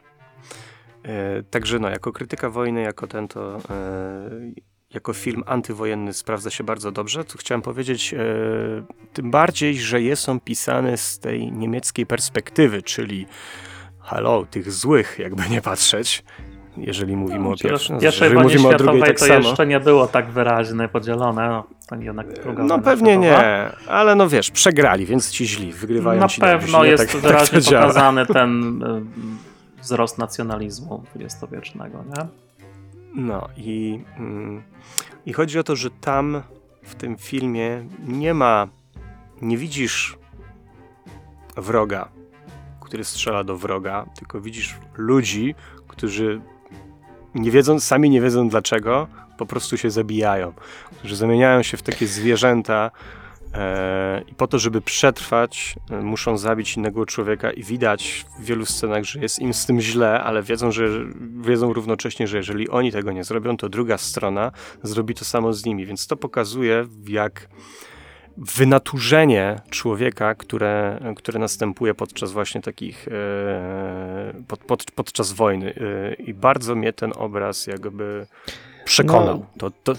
Mhm. Tak, ja, ja słyszałem też o takich, takich historiach z wojny, konkretnie ze swojej, e, ze swojej rodziny, że mm, bracia mojej babci w którymś momencie nawet z, podczas świąt z wrogiem pili jakieś tam piwo czy coś, bo akurat mieli przerwę w tych wojennych akcjach i dosłownie z wrogiem, no może nie się bratali, ale mieli taką przerwę i, i, i każdemu to jest potrzebne w którymś momencie, nie? Więc to jest jak najbardziej ludzkie i normalne i ciekawe, że to też ujęli w filmie. No, także jest to, no mówię, bardzo dobry obraz. E, skojarzyło mi się to właśnie mm, z komiksem Mouse, bo tam też było niektórzy zarzucają, zarzucali mu, że tam na przykład była krytyka Polaków, a to raczej nie była krytyka Polaków, tylko pokazanie, że, że, że, że ludzie są ludźmi. Tutaj też tutaj mamy to wyraźnie pokazane, że ludzie po prostu są ludźmi e, i jacyś inni ludzie zmusili dużą grupę e, ludzi, żeby, żeby zaczęła się zabijać. Na końcu jest podana tam statystyka po prostu, ile osób poległo ile e, wspomniane jest, że ten front zachodni w trakcie całej wojny w zasadzie się nie poruszył, że to, to, to często wiecie, parę, parę dziesiąt tysięcy osób umierało dla paru metrów ziemi, która potem i tak była odbierana i w jedną i w drugą to było takie po prostu przeciąganie, przeciąganie lin na to i, i wojna na wykrwawianie się, kto pierwszy umrze. No, dramat absolutny. Chyba nie powiedziałeś chyba nie powiedzieć, gdzie głównie tam się akcja dzieje, albo gdzieś umknął mi ten temat. Na froncie zachodnim jest- wojny światowej. Na froncie zachodnim. Prawie, że cała akcja jest na froncie zachodnim. Początek jest tylko w tej ich rodzinnej miejscowości, a reszta już się dzieje na froncie zachodnim do samego końca. W książce jest trochę inaczej z tego, co przeczytałem szybko. E, natomiast film już, e, już nie wraca. Są tylko te właśnie takie przebłyski, kiedy z gabinetów, kiedy, kiedy ten e, zawieszenie broni jest negocjowane. Ale to są Mhm. bardzo krótkie sceny, nie? Także całość praktycznie mamy na froncie. To oczywiście nie jest tylko siedzenie w okopach i strzelanie się, bo życie żołnierza nie tylko tak wyglądało. Oni tam też wracali, to, to, oddziały się zmieniały, czasami byli gdzieś tam w jakichś swoich e, wiem, koszarach i jest pokazane właśnie, jak żyją sobie w tych koszarach, jak głód ich tam e, gu- głód im tam doskwiera i inne takie e, problemy z higieną, m, brak, nie wiem, brak bliskości drugi, drugiego człowieka, jest tam scena na przykład, jak czytałem jakieś listy od rodziny, więc to jest takie właśnie życie, życie żołnierza e, na, na, na froncie. No coś, czego się nie pokazuje najczęściej w zachodnich filmach, nie? Czyli, że większość czasu na wojnie to jest nuda, czekanie, samotność, niepewność, a nie strzelanina. Tak, także e, tak, ja ten film polecam zdecydowanie. Zdecydowanie go polecam. E, zwłaszcza, że on, no mówię, zwłaszcza za ten aspekt, że on jakby odziera całkowicie ten obraz wojny z wszelkiej romantyczności, że w tym nie ma absolutnie nic romantycznego, że, i, i, że niektórzy chcą, żeby wojna wydawała się romantyczna, bez tego, bo bez tej motywacji na nią nie pójdą i tak właśnie zaczynają nasi bohaterowie. A jak kończę, to już przekonacie się podczas seansu. Tak jak mówiłem, na zachodzie bez zmian, na Netflixie 2,5 godziny, ale warto te 2,5 godziny według mnie e, na ten film poświęcić. E, Tak, na mnie też zrobił duże wrażenie. Też polecam ze względu na kontrast do współczesnego amerykańskiego kina wojennego. Oni mieli ten taki okres powietnamski, kiedy też dużo kręcili takich idealistycznych obrazów wojny, no ale to dawno temu przeminęło i teraz jest więcej jednak obrazów, w których wojna może jest piętnowana, ale na wojnie dzienni żołnierze są bohaterami. Tak, a tutaj, tutaj po prostu nikt się nie czaruje, że tak powiem, podczas, podczas prezentowania tej wojny. No. E, dobra, słuchajcie, nie będę tutaj się dalej nad tym rozwodził, bo musicie oszczędzać czas, żeby ten film obejrzeć, bo jest długi, jak już wspomniałem. E, więc przejdźmy do drugiej. Tyle samo co Mission Impossible. Teraz to norma w kinie.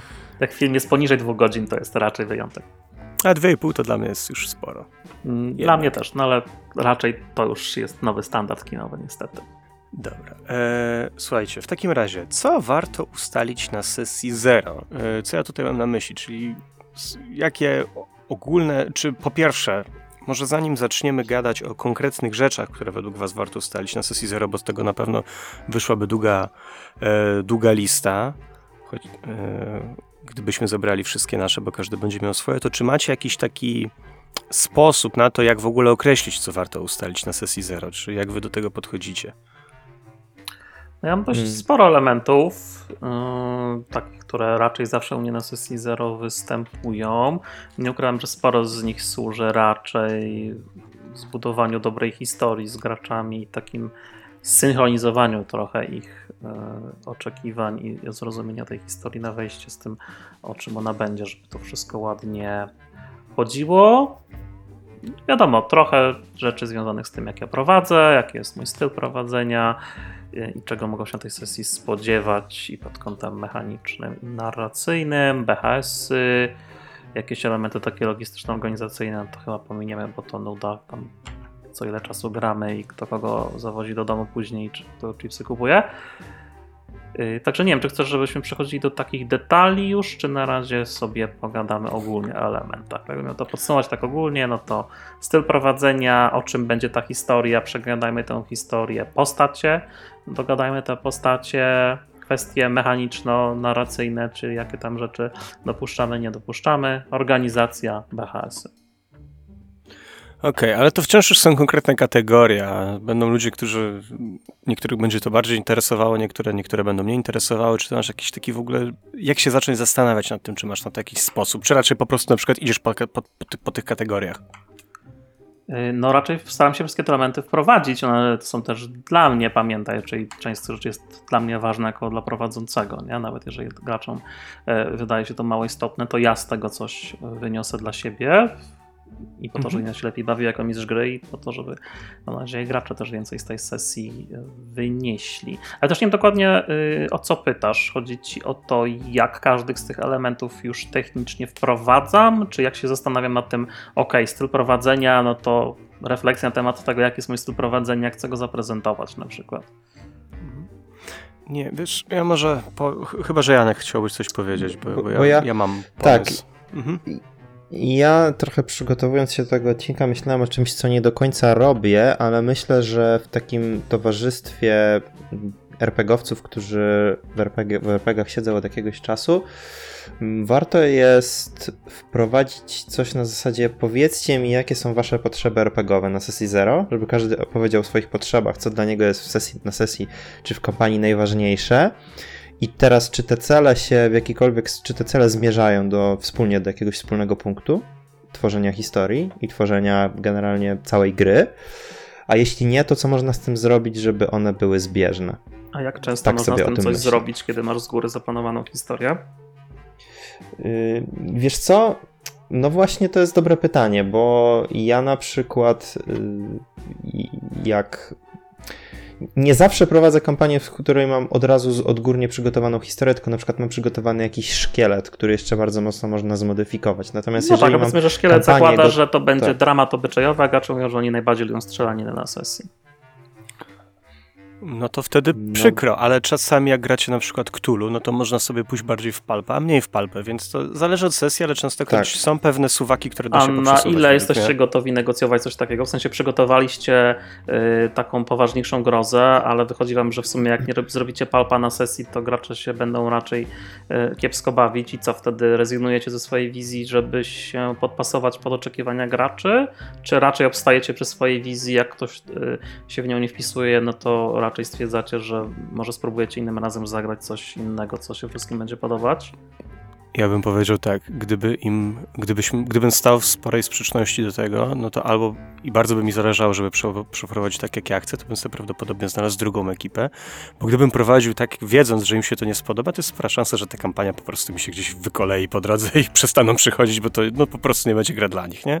Zwłaszcza, jeżeli mówimy o dłuższych, dłuższych sesjach. Przy jedno A nie macie wrażenia, że robi się z tego trochę takie klienckie podejście graczy? Czyli, że mistrz mówi, słuchajcie, co chcecie na sesji i gracze robią wam listę yy, parametrów i oczekują, że wy jako mistrz gry po prostu zaaplikujecie yy, i sprostacie ich oczekiwaniom na tej sesji. No nie, no oczy, oczywiście, że nie. To nie jest tak, że teraz tworzymy sobie seti, setting ustawienia do gry i tak jak masz, wiesz, jasność i, i ustawienia grafiki, to tak samo teraz mistrz gry sobie ustawi i wykalibruje odpowiednio swój sposób prowadzenia. To nie o to chodzi. Tylko chodzi o to, żeby jakoś wycentrować to, co wszyscy lubią, bo jeżeli jesteśmy powiedzmy ludźmi, którzy mają jakąś fajną chemię, ja myślę, że tak. Jeżeli jesteśmy ludzi, którzy, ludźmi, którzy mają fajną chemię i fajnie się rozumieją, to można pewne rzeczy troszeczkę podkręcić dla innych, żeby się Mm, lepiej No tak, ale bawili, to nie jest centrowanie, nie? Centrowanie zakłada, że ścinamy brzegi i równamy wszystko do e, wspólnego mianownika najczęściej. Ewentualnie totalnie inaczej rozkładamy akcenty na każdym graczu, nie? Że ten będzie głównie w Mhm. scenach akcji dominować, a ten będzie sobie mógł paralplayować w innej scenie, a ten będzie power gamerem, tam sobie wypełniać więcej na karcie postaci. E, tak, według mnie się da, przewa- częstokroć się da, ale to też wynika z tego, że mm, ja już w punkcie ogłoszenia, jakby szukania graczy, piszę, czego mają się spodziewać. Więc wtedy, kiedy trafiają mi się już gracze, którzy wiedzą mniej więcej czego oczekiwać, to wtedy ten jakby pole do manewru jest stosunkowo niewielkie, więc to raczej to nie jest tak, że piszesz, No właśnie, że prowadzisz horror i będą, i będą i be- a przyjdą ci ludzie, którzy oczekują czegoś wprost przeciwnego. Nie? Także to to mnie interesuje, jakie elementy sesji są dla Was negocjonalne? No bo z tego, co mówisz, Adam, wynika, że konwencja raczej negocjowalna nie jest. Jak się umawiamy na horror, no to nie przychodźcie na sesję, mówiąc, że w sumie nie lubicie horroru. A co można negocjować, Waszym zdaniem? Albo co Wy jesteście Na w stanie przy- negocjować? Na przykład można negocjować to, czy będzie player versus player, czy będziemy mieli jakieś interakcje negatywne między graczami. To jest coś. Oczywiście można zbudować na tym kampanię, ale no myślę, że jednak większość kampanii na tym się nie buduje. Okej, ale to może być więc- wbudowane w historię, nie? Że historia zakłada konflikt między graczami, na przykład w epilogu czy finale. I co wtedy, jak gracze powiedzą, że nie lubią player versus player? No to zmieniamy historię. Albo zmieniamy graczy, no jeżeli jest, nie ma innej opcji. No. A Jeżeli tego uważacie, nie że chcą, to, to nie będę tego musi grać. być takie podejście, że to zawsze mistrz gry musi się dopasować do graczy? Że jak graczom się coś nie, Nie, podoba, to mistrz gry zabiera zabawki i wychodzi? Że nie ma miejsca na ustępstwa ze strony graczy? W sumie na zasadzie, no Nie, dobra, słuchaj, to może nie jest ulubiony to mój styl RPG, bo- ale cała sesja nie będzie o konflikcie z graczami, tylko to będzie gdzieś tam w finale, więc reszta jak Bo- będzie fajnie, to, to nie musi być wszystko pode mnie. E, Bo jest różnica pomiędzy nie chcę tego absolutnie, a wolałbym, żeby, tego, że- żeby to nie występowało, albo w małych dawkach mi nie przeszkadza. Nie? No Więc- tak, oczywiście. Pytanie, na ile gracze mają faktycznie aż tak głęboką wizję swojego stylu grania, żeby to wszystko wypunktowywać i to jeszcze na skali. Poza tym, e, bo może, może się cofnę na chwilę do tego, do początku tego pytania, kiedy was pytałem o to tak ogólnie, jak się przykujecie na to, no, do tego, co, co warto ustalić, co według was warto ustalać i, i zaraz przejdę do tego, o czym rozmawialiśmy, czyli u mnie takim złota zasada jest taka, co warto ustalić przed grą, wszystko to, co jest dla nas istotne. Dziękuję, koniec, koniec odcinka, pozdrawiam, cześć. No ale to E, nic nie znaczy. Bo ale- takiego gracza, no ja wiem. gracze mają wiedzieć, co jest dla nich istotne. Zwłaszcza ktoś gra w RPG No od roku. On jeszcze nie No wie, co jest dla Bartek, niego istotne. Daj mi dokończyć, jeszcze nie skończyłem. Dopiero Dałem ci czas, to No zaśmiałeś dobra. się z żartu. Nie skorzystałeś, przykro mi. Przechodzimy dalej. E, dla mnie sesja zero e, to przede wszystkim e, u nowych graczy to oczywiście się nie sprawdzi, ale że już ktoś zagrał sesję, czy dwie sesje, czy parę, pa, czy trochę więcej sesji, no to niech się zastanowi na tym, co mu się na tych sesjach podobało, a co mu się na tych sesjach nie podobało i o tym sobie porozmawiamy, bo to są punkty, które zapamiętał i które wobec tego były dla niego istotne. Dla mnie sesja zero to jest trochę tak, jakbyś, kiedy myślisz o tym, o czym chcesz powiedzieć, to trochę tak, jakbyś dawał nowej ekipie, czasami to może być to same, że gramy w tym samym towarzystwie, ale powiedzmy, że nowej ekipie, feedback z twoich poprzednich sesji, które grałeś, czy tam prowadziłeś, oni w nich nie brali udziału, ale ty jesteś w stanie mniej więcej powiedzieć, co faktycznie miało wpływ na, twoje, na twój poziom zadowolenia e, z tej Mhm. sesji. To, z często mogą nie być... Zgodzę.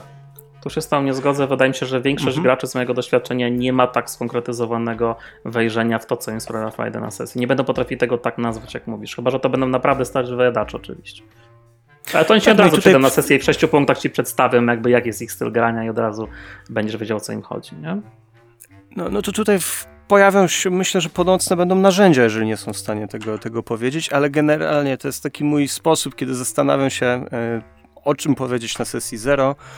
E, bo, bo ja się zgadzam, to często będą bardzo zdawkowe odpowiedzi, nie? Bo, bo ludzie się jakoś mm, nie zagłębiają w to, w to bardzo, y, jakoś bardzo szczegółowo.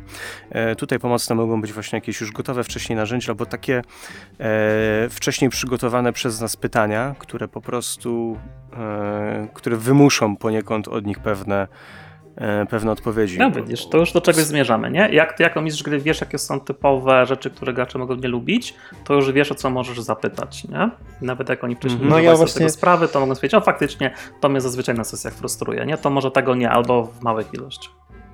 No i to jest właśnie to, o czym ja też wspominałem wcześniej, że ja też tak robię, że staram się myśleć o tych rzeczach, które zauważyłem, że najczęściej są, no nie wiem, problematyczne, kłopotliwe, jakiekolwiek właśnie na sesjach. I, I staram się o te rzeczy zazwyczaj pytać, i takim chyba jednym z ważniejszych pytań to jest właśnie to, czym może, mogą być konflikty między graczami, bo spotkałem się z tym, że, że gracze byli bardzo zaskoczeni albo bardzo niezadowoleni, jak się taki konflikt pojawiał, bo nie spodziewali się, że ich najbliższy jakiś tam współpracownik czy ktoś może być przeciwko nim i trochę mieli do mnie o to pretensje, że ja w ogóle na coś takiego pozwoliłem i że w ogóle wcześniej tego nie umówiliśmy. Także, także myślę, że warto jest sobie to przegadać, bo mm, niektórzy się czasem mogą czuć zdradzeni nawet nie tylko jako postacie, ale również jako gracze.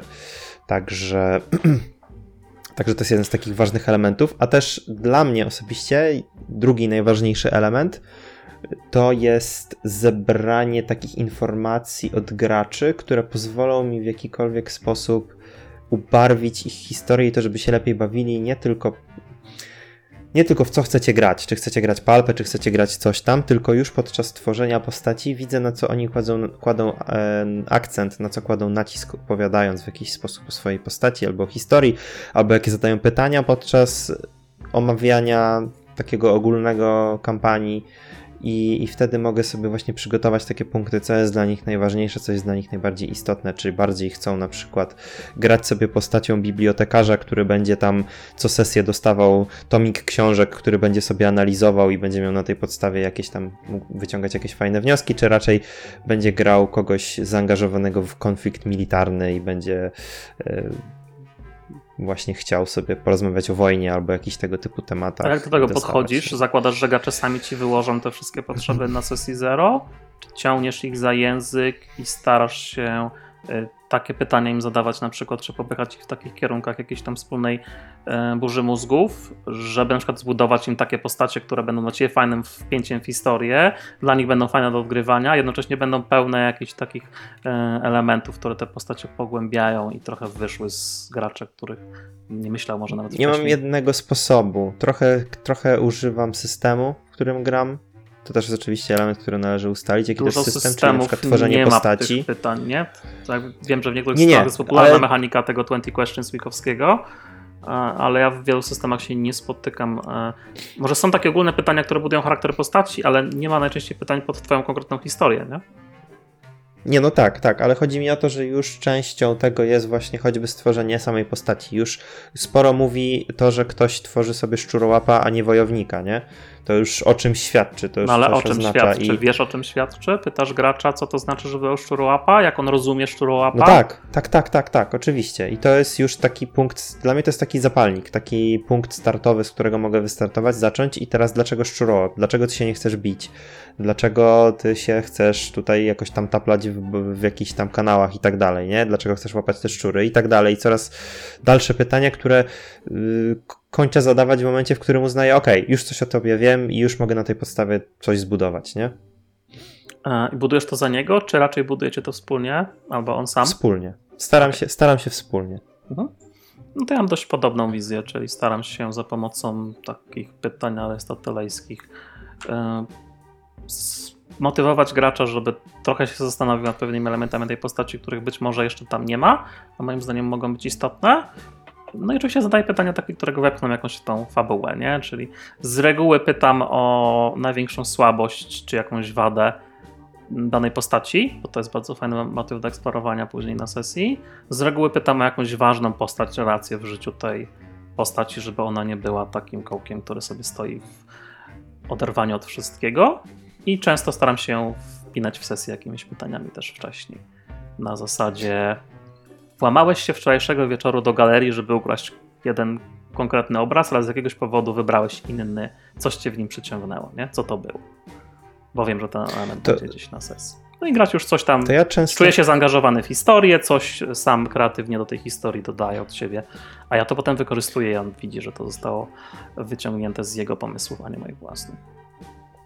To ja często inspiruję się do zadawania takich pytań dreadem. Dread, e, nie dreadem z RPGówka, e, tylko, e, tylko dreadem systemem, bo tam karta postaci właśnie opiera się na zadawaniu pytań graczom, które są właśnie bardzo osobiste często i i dużo takich, y, dużo, dużo, wiele z tych pytań jest naprawdę bardzo ciekawych i sprecyzowanych i ułatwia myślenie choćby o tej postaci.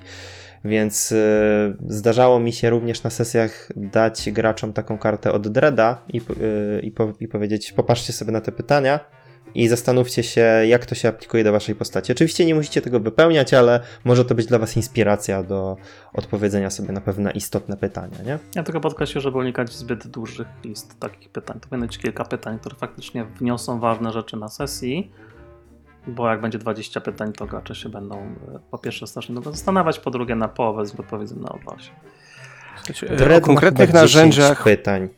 O konkretnych narzędziach porozmawiamy sobie jeszcze później, nie? I będziemy, będzie też, Mhm. będzie można też przytoczyć parę systemów, które, które mają to po prostu wpisane, ale, e, ale na razie nie chciałbym uciekać w tą stronę. E, Okej, Adam, to co ja u Ciebie jest może na sesji takiego kluczowego?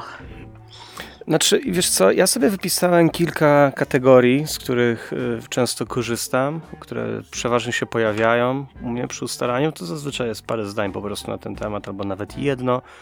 E, mam je, ponieważ niedawno na ten temat prowadziłem pre, prelekcję na Bazyliszku. Po prostu sobie z tej prelekcji to czytam. Czyli pierwsze, kto prowadzi, no to było dlatego, że czasami po prostu ekipa chce pograć i nie wiadomo, kto się do tego nadaje. Więc często to nas, nas nie będzie dotyczyło. E, więc dalej może e, oczekiwania, styl grania, klimat, gatunek i tym podobne. Granice, tutaj, tutaj mam na myśli po prostu BHS-y. BHS-y? Mhm. Pisałem to tak hasło, hasłowo. E, dalej organizacja i logistyka, dalej mechanika, dalej śmierć jako osobny punkt, dalej wstęp fabularny i reszta to pozostałe, ponieważ każdy może mieć tam pozostałe w sensie do wypełnienia przez, przez graczy. To oczywiście nie wszystko musi się pojawiać. Część, jeżeli gramy ze stałymi ekipami, prawdopodobnie nie ma potrzeby, żeby się pojawiało.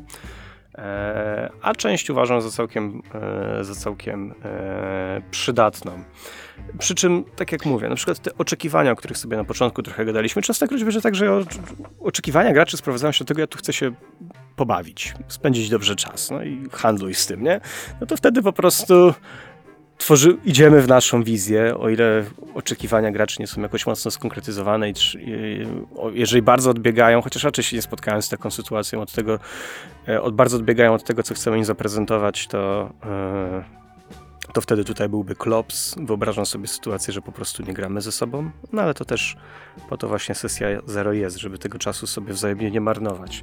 Jeżeli chodzi o styl grania, klimat, gatunek i tak dalej, no to to jest tro, trochę się łączy z tymi oczekiwaniami, o tym rozmawialiśmy, nie będę tego teraz rozwijał. Jeżeli chodzi o granice, to to są po prostu BHS-y. To jest szeroki temat, który, w który też nie chciałbym tutaj wchodzić, prawdopodobnie doczeka się swojego osobnego odcinka, ale generalnie chodzi o to, żeby zabezpieczyć sobie komfortowy sposób grania po prostu.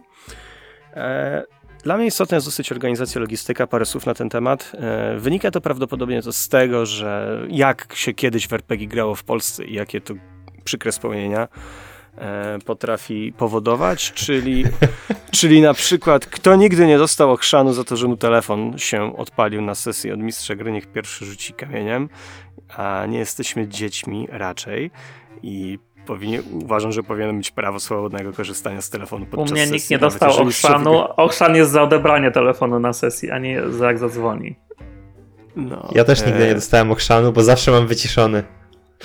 Tak, ale ja na przykład nie mam problemu, żeby ludzie, jeżeli potrzebują, bo wiecie, jeżeli z telefonu korzystasz dlatego, że ci się nudzi, no to powiedz, że ci się nudzi spróbujemy coś z tym zrobić. Ale jeżeli korzystasz z telefonu, bo potrzebujesz po prostu mieć ten telefon, z niego korzystać, albo nie wiem, masz jakąś... Niektórzy, y, no to korzystaj, nie? Jakby to, to jest w porządku. Niektórzy ludzie potrzebują, żeby, nie wiem, zająć czymś swoją uwagę. To nie jest tak, że mnie nie słuchają, tylko potrzebują się tam, nie wiem, tymi fidgetami pobawić albo coś porysować i tak dalej. Mi to absolutnie nie robi problemu, ale spotykałem się z sytuacjami, gdzie powstawał z tego jakiś konflikt, bo mistrz gry uważał, że nie jest mu poświęcone wystarczająco dużo uwagi, ponieważ gracz sobie coś Mm. rysuje, zamiast patrzeć mu w oczy nie i zachwycać się to jest opisem. nie? trochę temat ogólnie pewnej dojrzałości społecznej, nie związany stricte z Tak. RPGami. Być może, być może, ale wiesz, w naszym być może to jest wszystko właśnie po to, że- żeby, żeby, żeby to eliminować. W każdym razie ja wolę poświęcić na to tą minutę, te pół minuty, te dwa zdania powiedzieć na ten temat przed sesją, niż, e, niż nie powiedzieć, nie? Jakby zapewnić ludzi, że Mhm. jak to tutaj będzie wyglądało. Dlatego jasne, chciałbym żyć w świecie, gdzie nie muszę o tym mówić, ale żyjemy w naszym świecie, gdzie jednak uważam, że lepiej o tym powiedzieć, zwłaszcza, że to nie jest jakoś bardzo czasochłonne. Eee, No i tak, mechanika właśnie przede wszystkim, czyli zasady, to też warto ustalić na Ale jak do tego podchodzisz? Bo to ciekawe, y, po prostu zaznaczasz, że będziemy grać na mechanice podręcznikowej, albo będą house rule. Czy tłumaczysz Tak. jakieś zręby tej mechaniki już na sesji zero, żeby gracze mieli z grubsza wizję? Czy dajesz zadania domowe, hej, przeczytajcie ten rozdział o mechanice, ale tylko te sekcje, bo reszta to szczególnie interesują was na tym etapie. Wiesz Co, z zadań domowych zrezygnowałem, bo one nigdy nie są odrabiane, albo bardzo rzadko. To, to u mnie już byś wyleciał z sesji za brak zadania domowego. Żartuję oczywiście, ale to pokazuje brak zaangażowania trochę z mojej strony, zwłaszcza, że to z reguły są takie rzeczy, które są potrzebne jako mistrzowi gry, a nie y, zmuszam graczy do robienia czegoś. Tak, no ja chciałbym, żeby gracze zna, znali mechanikę i bardzo miło mi jest, jak ją znają. Znaczy, co ja rozumiem przez mechanikę? Przede wszystkim, jeżeli są jakieś house rule, nasze własne zasady, nasze własne haki do systemu, no to to jak najbardziej trzeba o nich wspomnieć. Nie? Jeżeli mamy nowych graczy w danym systemie, no to trzeba sobie tą mechanikę też chociaż ogólnie opowiedzieć. Dużo z tej mechaniki można wprowadzać w trakcie gry, nie? ale żeby mieli chociaż Jak najbardziej. ogólny, ogólny, ogólny zarys. Nie? To, to też nie chodzi o to, żeby im wszystko powiedzieć na starcie, skoro i tak wszystkiego nie zapamiętają. Nie zapamiętają się, nie? wszystkiego. Nie? po prostu zarysować ogólnie, na czym polega ta mechanika, No. że na przykład tu macie atrybuty, tu macie skille, dodajcie jedno do drugiego, rzucacie to na kośmiach, wierzycie powyżej ósemki, to macie sukces. Nie? I to z reguły gracze Tak. zapamiętają przynajmniej w ogólności. Jak już prowadzisz na sesji właściwej, to łatwiej będzie się zaklimatyzować. Tak. A jeżeli mamy jakiś crunchowy system, gdzie na przykład, nie wiem, zasady powiedzmy maga są jakoś sz- szczególnie skomplikowane, albo nawet nie szczególnie skomplikowane, Co? tylko po prostu Nie troszeczkę są. bardziej rozwinięte. Magia jest skomplikowana. E, e, no ale jeżeli, jeżeli mamy taką sekcję, to i mamy maga, dla którego to będzie istotne, to warto sobie ustalić, czy na pewno te zasady rozumiemy w taki sam sposób, nie? Zwłaszcza jeżeli są pewne punkty, które pod, można interpretować różnie. No to Mm, to, to rozumiem. Trzeba To nie chodzi to, świadomym takich punktów, nie? Bo no, bo jak cały podręcznik możecie razem negocjować, to trochę y, życia wam zabraknie na to. Albo możecie to negocjować między sesjami, jak coś wyszło akurat jest niezgoda. Tak, tak, tak. No, no mówię, przede wszystkim własne zasady, które są wprowadzane i czasami Mhm. ewentualnie, ale to zazwyczaj mówię, to, to zazwyczaj będzie ustalenie na boku osobno z tą konkretną osobą, którą, której to po prostu będzie dotyczyło, nie? Ale dla mnie zasady jak najbardziej mogą ewoluować w trakcie, w trakcie rozgrywki, znaczy raczej pomiędzy sesjami, nie konkretnie na sesji, bo na sesji przeważnie szkoda na to trochę czasu, ale pomiędzy sesjami sobie możemy tam wprowadzać różne nowe elementy, zwłaszcza w długich Ja kampaniach. się wetnę. Mhm. Ja się wetnę, bo ogólnie uważam, że tak, szkoda na to czasu na sesji, ale spotkałem się bardzo często z y, takimi opiniami, że trzeba to robić choćby i na sesji, więc y, rzucę tylko, że to, tak, że to są Nie nasze opinie. Generalnie Jak masz problemy z zasadami, pogadajmy o tym po sesji. Nie, nie przerywajmy nie, sesji. no, czy, nie, nie, nie, zabawy. no ja tak jak powiedziałem, ja tak jak powiedziałem, to jest moja opinia, ja też nie lubię negocjować zasad na sesji, ale spotkałem się bardzo często z, opini- op- z opinią, że należy omówić w tym momencie, dlatego że, no co, musimy to zrobić uznaniowo w przeciwnym wypadku. Dla mnie robienie, dla mnie zasady uznia- uznaniowe są ok, To nie jest wiem, uznaniowe, są to jest które... moja interpretacja w tym momencie gry jako mistrza gry, Tak, tak, który tak. nie jest nieomylny, może się pomylić, ale dla dobra sesji i tempa rozgrywki zgadzamy się na takie rozstrzygnięcie, a nie inne. Nie Jasne, ma tutaj złej ja też. wiary. Okej, no to Jasne, tak, ja przyjmę ja tutaj, ja się trochę zgodzę. Ja wiem, znaczy, okej, yy, zgodzę się tro- trochę z tym, co Janek mówi, bo czasami sesje są nie po to, żeby trzymać tempo i opowiadać historię i tak dalej, tylko po to, żeby no, podchodzimy do tego trochę jak na przykład do łamigłówki taktycznej. Jeżeli gramy, przychodzimy jakiś loch w dedeczkach i, i lubimy taktyczną na walkę, to może być... No okej, Bartek, nie na twoich, ale na, na niektórych prawdopodobnie może tak być. I wtedy się zgodzę, jeżeli to, to, ta zasada będzie na tyle istotna, że totalnie może zmienić wynik tej walki albo wpłynie absolutnie na jej przebieg, to być to prawdopodobnie lepiej to sprawdzić w tym, w tym, w tym danym Umówmy momencie. się, że jeżeli takie grałbym... sytuacje się nie zdarzają za często, że jedna zasada, którą akurat mistrz gry źle zinterpretował, ma akurat wpływ na wynik całego starcia i akurat musimy to wszystko uzgodnić. No u mnie się regularnie takie sytuacje zdarzały, zwłaszcza, że wszyscy słabo ogarniali zasady tam w jakiś... No, ale to problem jest to, że nikt nie ogarnia zasad, Warhammerze. No tak, no ale wciąż mamy ten problem, a chcemy grać, nie? Więc ja bym No ja rozumiem, że- ale jednym z rozumiem, że ja rozumiem, jest znać mechanikę, bo ktoś musi. No to co, mam mu mandat wystawić, że nie znał jej do, na pamięć? E, no nie, ale to mistrz gry za to odpowiada, więc gramy tak, jak mistrz gry się nauczył, nie? Możemy między sesjami Nie, to też- negocjować. to się nie wydarzyło. zgodzę też. Nie, to ja Właśnie, dobrze, że ten temat Janka. wyszedł. Bardzo dobrze, Ja że ten też temat stronę Janka w takim razie. Że... E, Bardzo dobrze, nie wiem, ten czy jest temat sens to wyszedł, bo ciągnąć, uważam, że to prawdę jest- mówiąc, bo trochę zbaczamy z sesji zero na style grania w RPG w ogóle. Nie, nie, nie, nie, nie. Ja właśnie chciałem zaznaczyć, że bardzo dobrze, że ten temat wyszedł, bo to jest również coś, co powinniśmy sobie przed sesją omówić i jest to bardzo istotne i ja mówię o tym dlatego, że w jedną sesję mi coś takiego rozwaliło, której nie byłem w stanie dalej grać, dlatego, że jeden z graczy kiedyś po prostu powiedział mi, że on nie akceptuje tego, że ja teraz podejmuję decyzję, że musimy to sprawdzić w podręczniku. Ja nie chciałem tego sprawdzić w podręczniku, dlatego że nie chciałem popsuć tempa sesji i sesja nie wyszła ostatecznie, musieliśmy ją przerwać, dlatego że y, no było starcie i było nieporozumienie, więc to jest również No dobra, temat, ale kto rozwalił trzeba tą koniecznie sesję? omówić. Kto rozwalił tę sesję? Nikt. No jak Ja- nikt. Gracz, który ja- koniecznie ja musiał teraz nie, nie. coś mieć dla siebie, nie? Nie Nie, zgodzę ja się, czuję się tak samo absolutnie. odpowiedzialny. Ja się tak, czuję myślę, tak że samo tutaj odpowiedzialny jak on. Tak, zgadzę się z tym, co Janek mówi. W sensie wina tu jest wtedy po obu stronach, nie? Nie zgodzę się, że to jest wina tego gościa. Moim zdaniem takie- jest miejsce miał na prawo mieć takie oczekiwania. posesją. oczekiwania tak, ale rozwalanie sesji o tę jedną rzecz moim zdaniem jest nie fair. Wobec wszystkich innych przy stole. Po sesji masz powiedzieć, słuchaj coś- Janek, nie podobał mi się ten element, czy następnym razem możemy grać tak, żeby było tak jak ok, bo ja się lepiej czuję, jak są y, dokładnie takie zasady, jak znam, ale zastopowanie sesji i rozwalenie jej dla wszystkich moim zdaniem jest nie w porządku. Bo to nie jest, wiesz, jakiś emocjonalny trigger, nie? To jest coś, co ty lubisz, albo coś, czego nie lubisz po prostu na- poziomie rozrywkowym. A to jest gra towarzyska, a, co wymaga pewnych ustępstw na rzecz innych graczy przy stole. Wciąż. No dobra, ale może, żeby nie ciągnąć tematu w stylu grania, bo każdy ma swoje. Ja się zgadzam z tym, że no, trzeba przy stole na sesji zero jasno prezentować, jak my prowadzimy. y, I jeżeli coś graczom w tym wszystkim nie Tak, odpowiada, więc to... tej mechanice, w tym dziale mechanicznym może warto właśnie ustalić, co jeżeli się dojdzie do jakiegoś konfliktu, bo w sensie ustalenie, że jeżeli nie wiemy, albo jeżeli jest konflikt, to rzucamy monetą, albo podej- mistrz gry podejmuje decyzję, to też jest jakaś zasada, którą sobie wprowadzamy i to też z automatu staje się jakby, e, jakby mechaniką, więc myślę, że to też właśnie warto ustalić e, wcześniej, no bo to może powodować problemy. A z uwagi, że jesteśmy blisko, to chciałem też nawiązać do, krótko do czegoś, co również jest istotne moim zdaniem, czyli do tego, y, kiedy kończymy rozgrywkę, bo to również jest, mm, jest istotne, że rozgrywka na przykład może się skończyć w momencie, w którym wszyscy gracze mm, podejmą jakąś decyzję za swoich bohaterów bardzo niebezpieczną, nie? I wtedy nie mogą mieć pretensji do mistrza gry, jeżeli umówiliśmy się, słuchaj, słuchajcie, umówiliśmy się, że jak robić, zrobicie coś niebezpiecznego, to ja mogę was wszystkich zabić i kończymy wtedy, nie was, tylko wasze postacie oczywiście, i wtedy możemy zakończyć grę po prostu wcześniej. Albo możemy zakończyć grę wcześniej, jak ja uznam, że wy po prostu, że wy kompletnie nie idziecie za, za fabułą, kiedy wam w jakiś sposób to uświadomiłem, że nie chcecie iść za fabułą, że robicie jakieś swoje rzeczy i wtedy również możemy skończyć grę.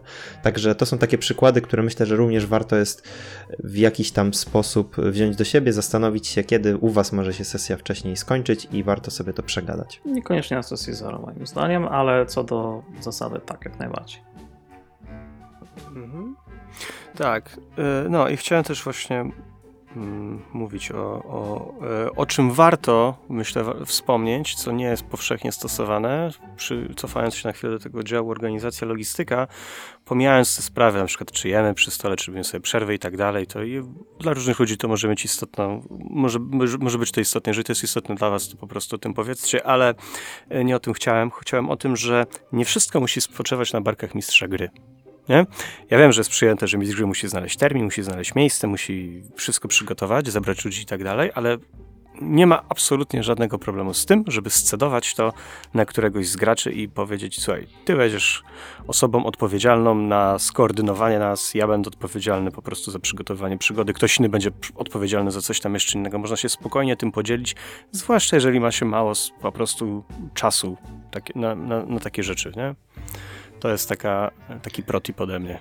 Spróbujcie zastosować. Chciałbym kiedyś przyjść na sesję zero, na którą przyjdą gracze i powiedzą: Słuchaj, ty posiedzisz teraz i posłuchasz, i my ci teraz powiemy, jaką mamy historię, jakie są nasze postacie, co one zrobiły, i ty weź, zrób coś dookoła tego. Chciałbym kiedyś coś takiego przeżyć, Ja- ale ja myślę, bym że nie nie w tym chciał. życiu.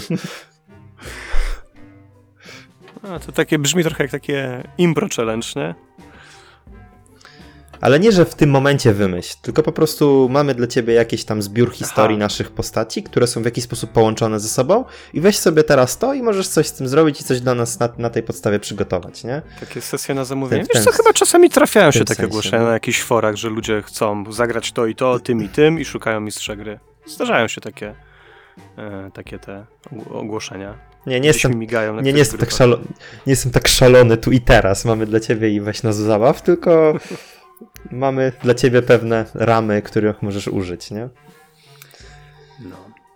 Dobra, No dobra, to może ja sobie dodam jeszcze parę rzeczy takich, które Mhm. u mnie występują, a których jeszcze nie powiedzieliście.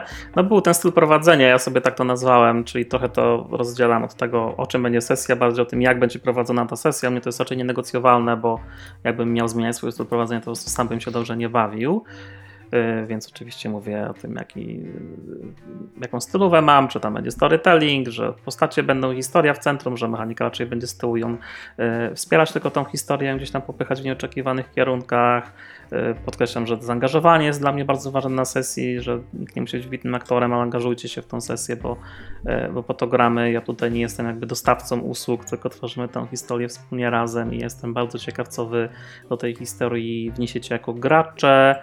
E, coś jeszcze nie mówiliście, a bardzo ważne jest moim zdaniem przywilej narracyjny. Ja podkreślam, że u mnie się tym przywilejem chętnie dzieje, że jeżeli gracze chcą dodawać elementy do świata albo opisywać bardziej narracyjnie mm, rezultaty działań swoich postaci, to ja jestem na to raczej otwarty z prawem beta, gdyby to coś jakoś bardzo mieszało w głównej osi fabularnej, ale co do zasady zachęcam do tego, żeby gracze budowali też e, swoje elementy sesji. Potem oczywiście mówię o tym, co będziemy grać dokładnie, czyli mm, jaka to będzie konwencja, gdzie się będzie rozgrywać ta, e, ta nasza historia, czy to będą Stany Zjednoczone, czy tam jakiś Fejrun, jaki będzie czas akcji, jeżeli to ma jakieś znaczenie, jak tam ich postacie będą w tym wszystkim zakotwiczone, czy na przykład będą tam, nie wiem, komandosami wysłanymi z zadaniem za linię wroga, czy agentami FBI, którzy przeprowadzą śledztwo w sprawie seryjnego mordercy. I też staram się zarysować graczom tematy i motywy sesji, czyli nie fabułę, tylko to, o czym ta sesja naprawdę będzie. Czy to będzie sesja o rodzinie, czy będzie o samotności, czy o przyjaźni, tak żeby gracze mogli te motywy dziś spróbować też wbudować albo w swoje postaci już na sesji zero, albo je gdzieś tam później wplatać też na sesji, y, bo niektórzy gracze faktycznie lubią takie elementy.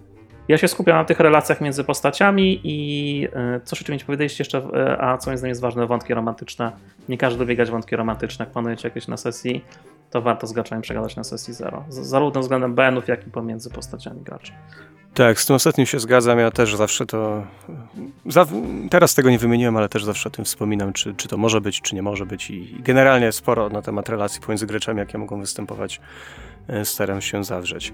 Ale dobra, słuchajcie, wrzućmy sobie tutaj pauzę, bo jakby to wszystko spina się z tym, co, co powiedziałem na samym starcie, czyli każdy ma jakby swoje ważne rzeczy, trzeba po prostu znaleźć te rzeczy i, i o nich mówić, przypomnieć sobie, co dla nas było istotne na poprzednich sesjach, co zgrzytało, co nie i z tego po prostu to wyciągnąć. Jak wszyscy tutaj usłyszeliście, mamy na ten temat różne, e, różne zdania, różne rzeczy nas pod tym względem jarają, a niektóre nawet nas trochę e, zaogniają w niektórych punktach, tym bardziej warto poświęcić te parę chwil, zastanowić się i zyskać trochę więcej tej samoświadomości. Mówię do was, zwłaszcza gracze, bo wiem, że e, bo wiem, że mistrzowie gry jakoś zwykle to robią. Okej. Okay. E, to co? Mały skok ponownie w popkulturę. Janek. Janek chce kanapkę. E, się okaże, że tak jest... naprawdę Janek tak. w notatkach na temat planu podcastu tylko napisał, żeby mu kanapkę zrobić. Co tak, tak, zrobiłem, zrobiłem taką... Make me a sandwich, tak, czyli to jest film, horror krótkometrażowy. Można go znaleźć na YouTubie. Reżyseria Denman Hatch. E, słuchajcie, no, wiele więcej tam się nie dowiecie z tego filmu jak Make Me a Sandwich, bo to jest tekst, który y, pojawia się chyba tylko. Ten tekst się pojawia w tym, w tym filmie. Nie jest to duży spoiler. Ym, I film trwa 3 minuty. Powiem, że naprawdę jest mm, ciekawy, dlatego że widzimy małżeństwo, prawdopodobnie, w każdym razie kobietę i mężczyznę. I ta kobieta przygotowuje mężczyźnie mm, kanapki stereotypowo. Z coraz to ciekawszymi, z coraz to ciekawszymi wkładkami do tych kanapek. Nie będę oczywiście zdradzał jakimi, ale e, coraz e, bardziej zmyślny, w coraz bardziej zmyślny sposób chcę mu zaszkodzić.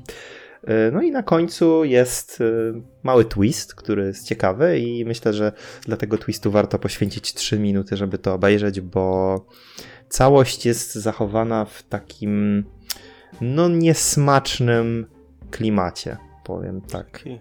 Lekki, lekki no, dlatego, że to tak? horror. Sweeney Todd. Tak, lekki gore, zgadza się. Także jak chcecie, jak chcecie, to zróbcie mi kanapkę, będę zadowolony. E, no nie wiem, czy będziesz zadowolony, to, to jak teraz obejrzymy ten film w tym, co powiedziałeś. To już nie będzie szczerze, żeśmy ci robili kanapki. No nie, pewnie nie. Na następnej nie sesji będzie mistrz gry. Zrobiłem ci kanapeczkę przed sesją. Tak, tak, tak. E, natomiast druga rzecz, którą, e, której chciałbym krótko wspomnieć, dlatego krótko, bo e, obejrzałem mało. Jest to nawiedzony dwór w Bly i tak jak oglądałem Hunting of the Hill House, o ile dobrze to mówię, w każdym razie nawiedzony dom na wzgórzu. Spodziewałem się, że nawiedzony dwór w Blaj będzie czymś podobnym, albo będzie w pewnym sensie kontynuacją i obejrzałem 3 czwarte pilota, czyli pierwszego odcinka i muszę powiedzieć, że się nie wciągnąłem. Nie wciągnąłem się na tyle, żeby go dokończyć i nie wciągnąłem się na tyle, żeby dokończyć cały serial. Nie wiem, czego to może być kwestia. Może tego, że widziałem tych samych aktorów, ale mieli oni już zupełnie inne role, grali zupełnie coś innego i nie widziałem jakichś dużych powiązań pomiędzy tymi postaciami a postaciami z e, nawiedzonego domu na wzgórzu. E, jest to dziwne, dlatego że twórca jest ten sam, bo jest to Mike, Mike Flanagan, Flanagan, złote dziecko horroru ostatnio, nie? Tak, zgadza się. Klimat tego pilota, tych trzech czwartych, które widziałem, był ciekawy, jednak dość nudny i za mało wciągający jak dla mnie. Jest yy, tam motyw, który ma potencjał, ale wydaje mi się, że za za mało wyeksponowany, albo może, może mnie nie przekonuje główna aktorka, która jakoś nie daje się w taki sposób y, wystraszyć tym, tym strachom, tak jak robiła to w pierwszej części, to znaczy w nawiedzonym domu na wzgórzu. Nie wiem, nie potrafię powiedzieć, co może być przyczyną tego mało wciągającego intro. A miałeś e, okazję oglądać odcinka? inny serial Fanagana Noc tam Msza? Nie, nie. O, nie to polecam ci bardzo. Jedna z moich ulubionych produkcji sprzed dwóch lat bodajże. E, w każdym razie kapitalny, taki bardziej dramat egzystencjalny niż horror, chociaż horror też tam trochę jest. Pytam nie bez powodu, bo zastanawiam się, czy w, w nawiedzeniu Bly Manor nie jest podobnie, bo ja nie widziałem tego serialu, ale wiem, że Flanagan ma taką tendencję, że ten horror u niego się bardzo powoli rozwija. Tak było w Nocnej Mszy, więc może tu jest podobnie. No właśnie oglądałem, tak jak mówię, tak jak wspomniałem wcześniej, oglądałem Nawiedzony Dom na Wzgórzu i byłem zachwycony tym horrorem y, psychologicznym, dlatego że chyba tak bym to nazwał, y, że, że tym jest właśnie Nawiedzony Dom na Wzgórzu byłem zachwycony tym, jak e, bardzo duży nacisk tam był kładziony na każdego z bohaterów z osobna i raczej na ich takie personalne problemy, ale nie chcę tutaj się za bardzo rozwodzić nad tym pierwszym. I właśnie trochę bazując na tym e, doświadczeniu, które miałem z, e, ze wzgórza, myślałem, że będę mógł czegoś podobnego się spodziewać e, po Bly. I Bly wydaje mi się o tyle bardziej płaski, że mamy tutaj głównie dwóch aktorów, a właściwie głównie jednego, jednego bohatera, który jest poddawany tym różnym dziwnym zjawiskom horrorowym i chyba, chyba to jest za mało na pierwszy odcinek, szczerze mhm. mówiąc. No to polecam Ci serdecznie Noc na mszę głębi postaci ci tam nie zabraknie. Fenomenalne kino. Spróbuję jeszcze raz podejść do pierwszego odcinka, może się przekonam, ale szczerze wątpię. Jak znam siebie, to chyba to już pogrzebany serial. No dobra. Bywa i to. To dzięki.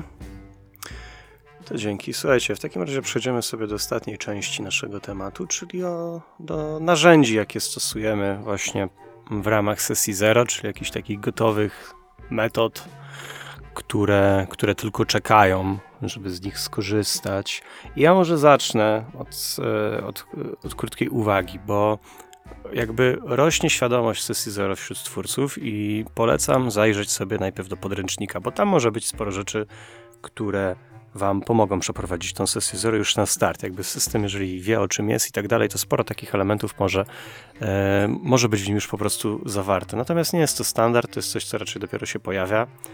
E, i dlatego, że nie jest standard, a często było takie oczekiwanie, że my będziemy wiedzieli, co ma, co ma być na tych sesjach, my w sensie mistrzowie gry, e, pojawiły się pewne narzędzia dookoła, e, pewne takie niepowiązane z żadnym konkretnym systemem, po prostu takie uniwersalne. I pytanie, czy wy znacie, macie, korzystacie z jakichś narzędzi. Ja tutaj mam parę wypisanych, o których, ale nie chcę jeszcze do nich przechodzić. O tym za chwilę. Czy wy macie jakieś takie, może swoje własne potworzyliście? Jak to u was wygląda? Ja, mam... ja próbowałem okay, używać Same Page Toola, ale na tyle wydawał mi się zbyt ogólny i niedostosowany do moich potrzeb i do tego, w jaki sposób ja gram, że po prostu wytworzyłem sobie swoją taką krótką no może nie krótką, po prostu swoje takie zasady stołu które na pewno prezentuję graczom jako taki, jako taki start, powiedzmy, do ustalania swoich zasad, a reszta to są punkty, które mam wypisane na kartce i które uważam, że czy tam kartce, czy, Czy w dysku Google wszystko Gotowy jedno. regulamin, który przed każdą sesją podsyłasz graczom, co najwyżej go modyfikujesz. Tak, to pierwsza że rzecz, zmienia. a druga, tak, a druga to po prostu pytanie, które zadaję, nie? Swoje takie osoby, swoje takie, no nie A wiem, tak z ciekawości nazywasz to potrzeb. regulaminem? Nie, ja to nazywam y, house rule, że to są moje house rule, no bo Okej. dotyczą grania w moim domu, więc są... No, Hapsule mi moimi się z house mechaniką rulami. jednoznacznie kojarzą, nie? że to jest tak interpretujesz. No właśnie wiem, nie wiem czemu, bo ja to trochę inaczej na to patrzę. Mam wrażenie, że wszystkim się przede wszystkim kojarzą z mechaniką, w sensie haki domowe, domozasady. E, Znaczy, ja rozumiem. Tłumacząc dosłownie, tak, masz, pasuje mi to, two, twoja interpretacja. Natomiast chyba się przyjęło, że house rule dotyczą raczej mechaniki. No jak zwał, tak zwał. Dobrze, że nie No, regulamin, bo regulamin, jak już mówiłem, brzmi zniechęcająco, nie? To Hmm. prawda. Ty, Bartek, jak Dobra. E, Ja nie mam za dużo narzędzi, bo zazwyczaj po prostu wiem, jakie cele chcę osiągnąć. Po prostu je realizuję w rozmowie. No, większość rzeczy z graczami da się po prostu obgadać. E, To, co stosuję, to są już te pytania, o których mówiłem. Z reguły wiem, jakie to są pytania, takie, które fajnie podbudowują postacie, czy to, co już wspominałem, e, jakaś tam chociażby ważna osoba w życiu tej postaci, największa słabość tej postaci. To pozwala fajnie wpiąć to potem w fabułę, te postacie wpiąć w fabułę na takim poziomie bardziej dramatycznym i, i może gracze się trochę bardziej zastanowią, jak te postacie mm, się e, powinny na tej sesji zachowywać, a czym im zależy, na czym nie i jak się mogą zmienić potencjalnie podczas opowiadania naszej historii. E, Tak, poza tak, to te tym... pytania, o których powiedziałeś, Mhm. to one się często, coraz częściej pojawiają w podręcznikach, nie? To Tak. właśnie jest fajny kierunek, że te pytania o słabość, o jakiś tam największy wróg, największy przyjaciel, to one się widzę coraz częściej w podręcznikach pojawiają, na szczęście. Tak, ja wybieram raczej tak pod scenariusz, czyli nie pytam największego wroga, bo wiem jaki będzie największy wróg w scenariuszu i nie ukrywam, że trochę bardziej czerpię te pytania raczej z materiałów o scenopisarstwie niż z podręczników do RPG, dlatego że y, tam te pytania bardziej są pod historię niż pod zbudowanie postaci bohatera, a w RPGach często tak jest, że te pytania mają zbudować postać bohatera, potem mistrz gry musi kombinować, jak te wszystkie elementy powtarzać na sesji, to to jest spoko, jak chcesz budować sesję pod postacie, ale ja raczej robię historię z konkretnymi postaciami, tylko chciałbym, żeby gracze wypełniali te postacie jakby głębią, nie? Bo na przykład zakładam, że postać, nie wiem, musi być strażakiem na przykład, który właśnie się rozwodzi, ale cała reszta o tym strażaku już jest dla ciebie graczu do, e, do rozważenia, nie? I to staram się z graczy, z graczy wyciągać.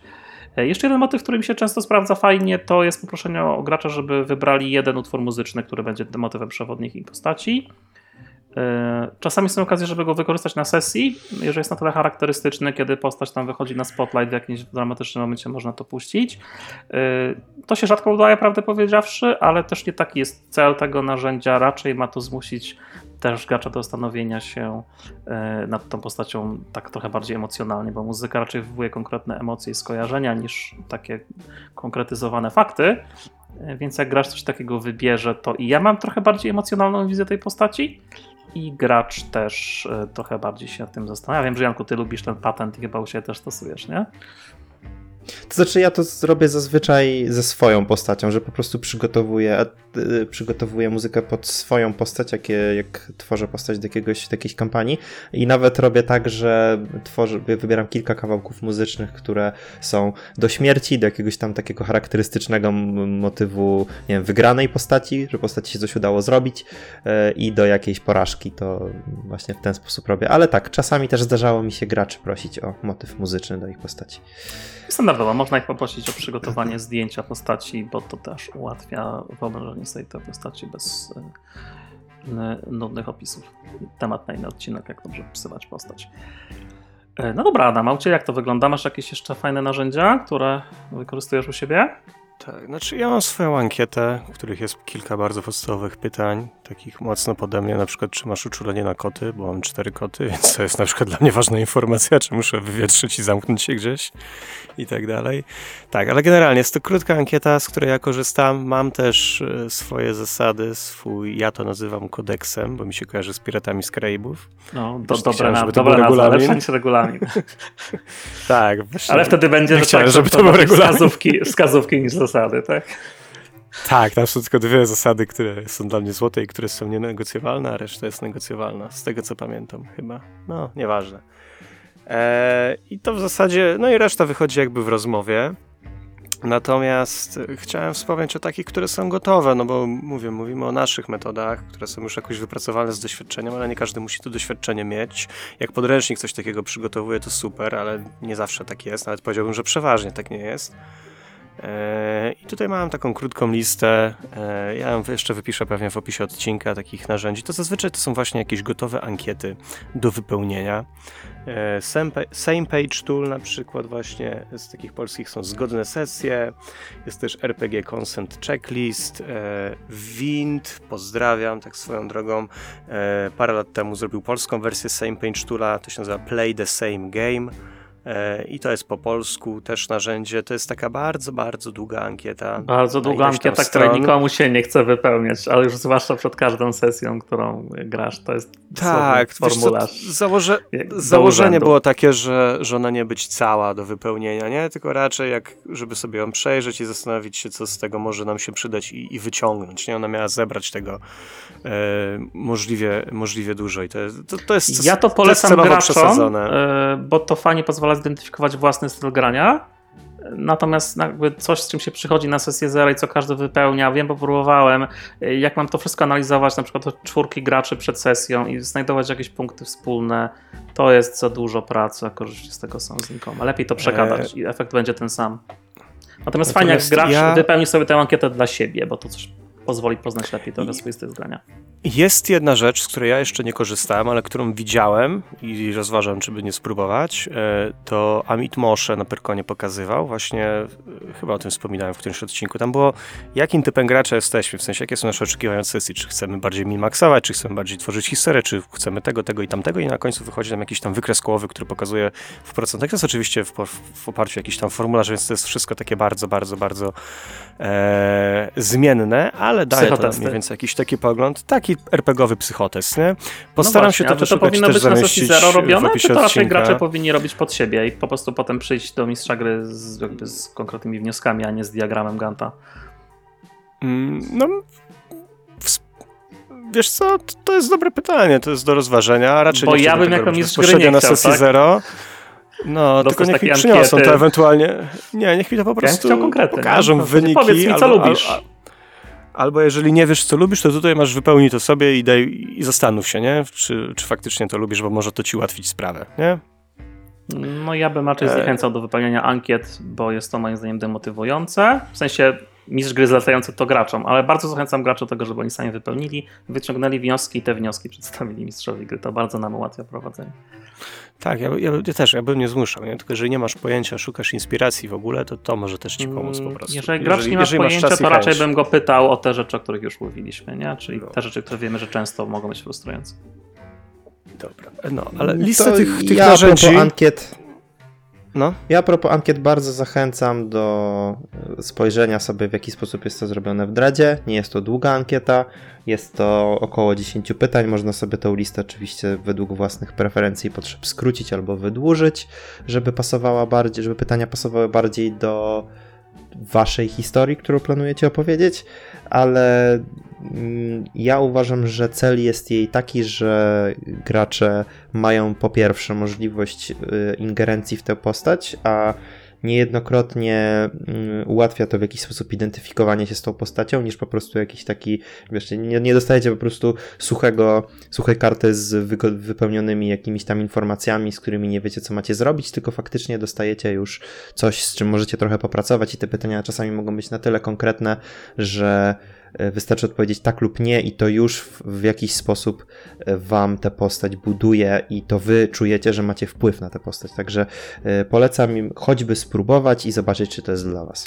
To jest trochę Ale bardziej element po- tworzenia postaci, nie? Czyli, No właśnie, to pokrywa tylko tworzenie postaci, czyli jeden z wybierz elementów. swoje imię z listy, nie? Albo wybierz budowę ciała z listy. Wiadomo, że to jest bardziej emocjonalne to, o czym mówisz, yy, no ale zasada podobna, czyli jakby pula możliwości, tylko że w tym przypadku bardziej otwarta, żeby zmotywować gracza do myślenia o postaci. To jest jak najbardziej spoko, popieram, tylko to dla mnie trochę bardziej narzędzie tworzenia postaci. Tak. Mhm. E, dobra, słuchajcie. Ale musiałem o tym wspomnieć, bo jestem psychofanem Dreda. Okej. Nie tego dreda. tak. Tego Dreda też lubimy, pozdrawiamy. Robimy, ale nie jesteśmy Eee, psychofanami. No nie, to będzie źle brzmiało. E, dobra, nie chcę tutaj więcej kopać w tym, bo to jakby to jest tylko tak ogólnie o tych narzędziach, nie raczej przedstawienie niż, niż dyskusja w, ty, w tym punkcie. E, ja postaram się wy, wypisać w opisie odcinka może parę linków nawet podrzucić, żebyście, że jesteście zainteresowani, to żebyście sobie mogli po prostu rzucić na to okiem. E, mówię, część może was, wam się bardziej przydać, część, część, część mniej, część was zniechęcić, część was może zaintrygować, to już pozostawiamy jakby do waszej, e, do waszej dalszej o, oceny. E, A teraz taka mała nowa sekcja, która się pojawiła u nas, e, czyli patent na sesję. Zaraz odsłuchacie sobie krótkiego pomysłu, dookoła którego można zbudować całkiem interesującą i oryginalną sesję według nas, e, z paroma jakimiś tam naszymi uwagami. W sensie jeden z nas przedstawi swój pomysł, a dwóch pozostałych dorzuci do tego swoje, swoje trzy grosze. Zrobiłem do tego świetny dżingiel, więc po prostu musi, musi to na stałe wpisać się w odcinek. E, mamy nadzieję, że Wam się spodoba. Dajcie znać, czy Wam się to spodobało, czy nie. Patent na sesję. Jesteś radiowcem, DJ-em prowadzącym nocną audycję w mieście, które zastygło w oczekiwaniu na nadchodzący kryzys. Może za kilka dni serbskie czołgi wjadą do Sarajewa. Może niedługo w sprażone słońcem Miami uderzy huragan. Może w Dżakarcie podliczone są właśnie głosy w przełomowych wyborach, które zdecydują o upadku autokratycznego reżimu. Niezależnie od tego, na co czekają mieszkańcy, ty jesteś z nimi każdej nocy wysyłając w eter słowa i dźwięki, wzbudzając i gasząc emocje słuchaczy odpowiednio dobraną piosenką, odbierając na antenie telefony od tych, którzy nie mogą spać lub po prostu nie mają z kim porozmawiać. Tej nocy wszystko się zmieni. Tej nocy, po tym jak w eterze zgasną ostatnie takty Blues Green w wykonaniu Milesa Davisa, zadzwoni do ciebie istota i od rozmowy z nią zależeć będzie przyszłość Twoja i Twojego miasta. Może to Bóg poczuł się samotny i wybrał Cię na swojego apostoła, bo też lubi Milesa Davisa. Może to nowonarodzona sztuczna inteligencja stroi na Tobie swój moralny kompas. Może potężny wampir Sabatu wybrał Twój numer, bo głos usłyszany na antenie obudził w nim wspomnienia o dawno utraconym przyjacielu. Kimkolwiek jest, słuchaj uważnie. Ostrożnie dobieraj słowa i dobrze się zastanów, zanim zadedykujesz mu piosenkę. Ja mam taką propozycję, bo mm, takie śledztwo z elementem radiowym występuje właśnie w filmie e, The Vast of Night, dostępnym na Amazonie. Tam jest takie lekkie science fiction i e, główni bohaterowie poprzez właśnie rozmowy radiowe e, z, z innymi postaciami rozwijają pewną taką zagadkę. To to jest jedno podejście, ale w trakcie tego słuchania przyszło mi do głowy, że co by było, gdyby ten radiowiec był postacią NPC-em mistrza gry, a to gracze się do niego dobijają e, i starają się pozyskać jakieś, jakieś informacje. Wtedy gracze wcielają się tak naprawdę w słuchaczy, którzy wchodzą w interakcję e, z tym NPC-em i to jest tylko ten jedyny NPC, właśnie ten radiowiec i on albo wskrywa jakąś tajemnicę, albo nie wiem, właśnie jeżeli idziemy w takie motywy bardziej Cthulhu, czy trochę palpowe jest, nie wiem, hipnotyzuje swoich słuchaczy i gracze się o tym zorientowali i starają się mu jakoś przerwać, chcą, chcą go jakoś przegadać w tej audycji. E, można trochę tutaj od, od, odwrócić tę rolę i myślę, że to też mogłoby ciekawie, cie, ciekawie zagrać.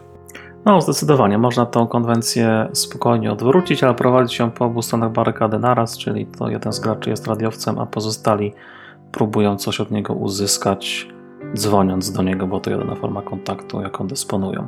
Fajne, dzięki za podzielenie się. No i Dobry pomysł na sesję online, nie? Zróbcie sobie efekty na mikrofonach, powinno fajnie śmignąć. To ja widzę to tak, że można by ten pomysł rozwinąć o mm, taką istotę, która w pewnym sensie wchodzi w najważniejszą sferę życia bohatera i to mogłyby być, mogłyby być sfery różnych bohaterów wykonujących różne profesje. I jeśli, tak jak wspomniałeś, ten DJ miałby wykonać audycję dla tej istoty, dla tego bytu, tak różne inne profesje innych bohaterów mogłyby również dostać taką misję, aby wykonać coś istotnego dla istoty w ramach swojego, swojego zawodu, w ramach wykonywanej profesji. Może po prostu różne formy muzyki. Ktoś jest śpiewakiem operowym, a ktoś inny skrzypaczką. Wszystko to muzyka, ale prezentowana w zupełnie różnych formatach. Tak, tak. No, muzyka mogłaby być y, fajna, bo można by pokazać tutaj y, różne właśnie sfery y, muzyki, różnych, różnych wykonawców muzyki. I na sesji mogłoby to zagrać o tyle fajnie, że można na sesję wprowadzać różne gatunki muzyczne. To był patent na sesję. I to był nasz patent na sesję. Mam nadzieję, że się podobał. Mm, to co? To chyba wszystko w tym odcinku.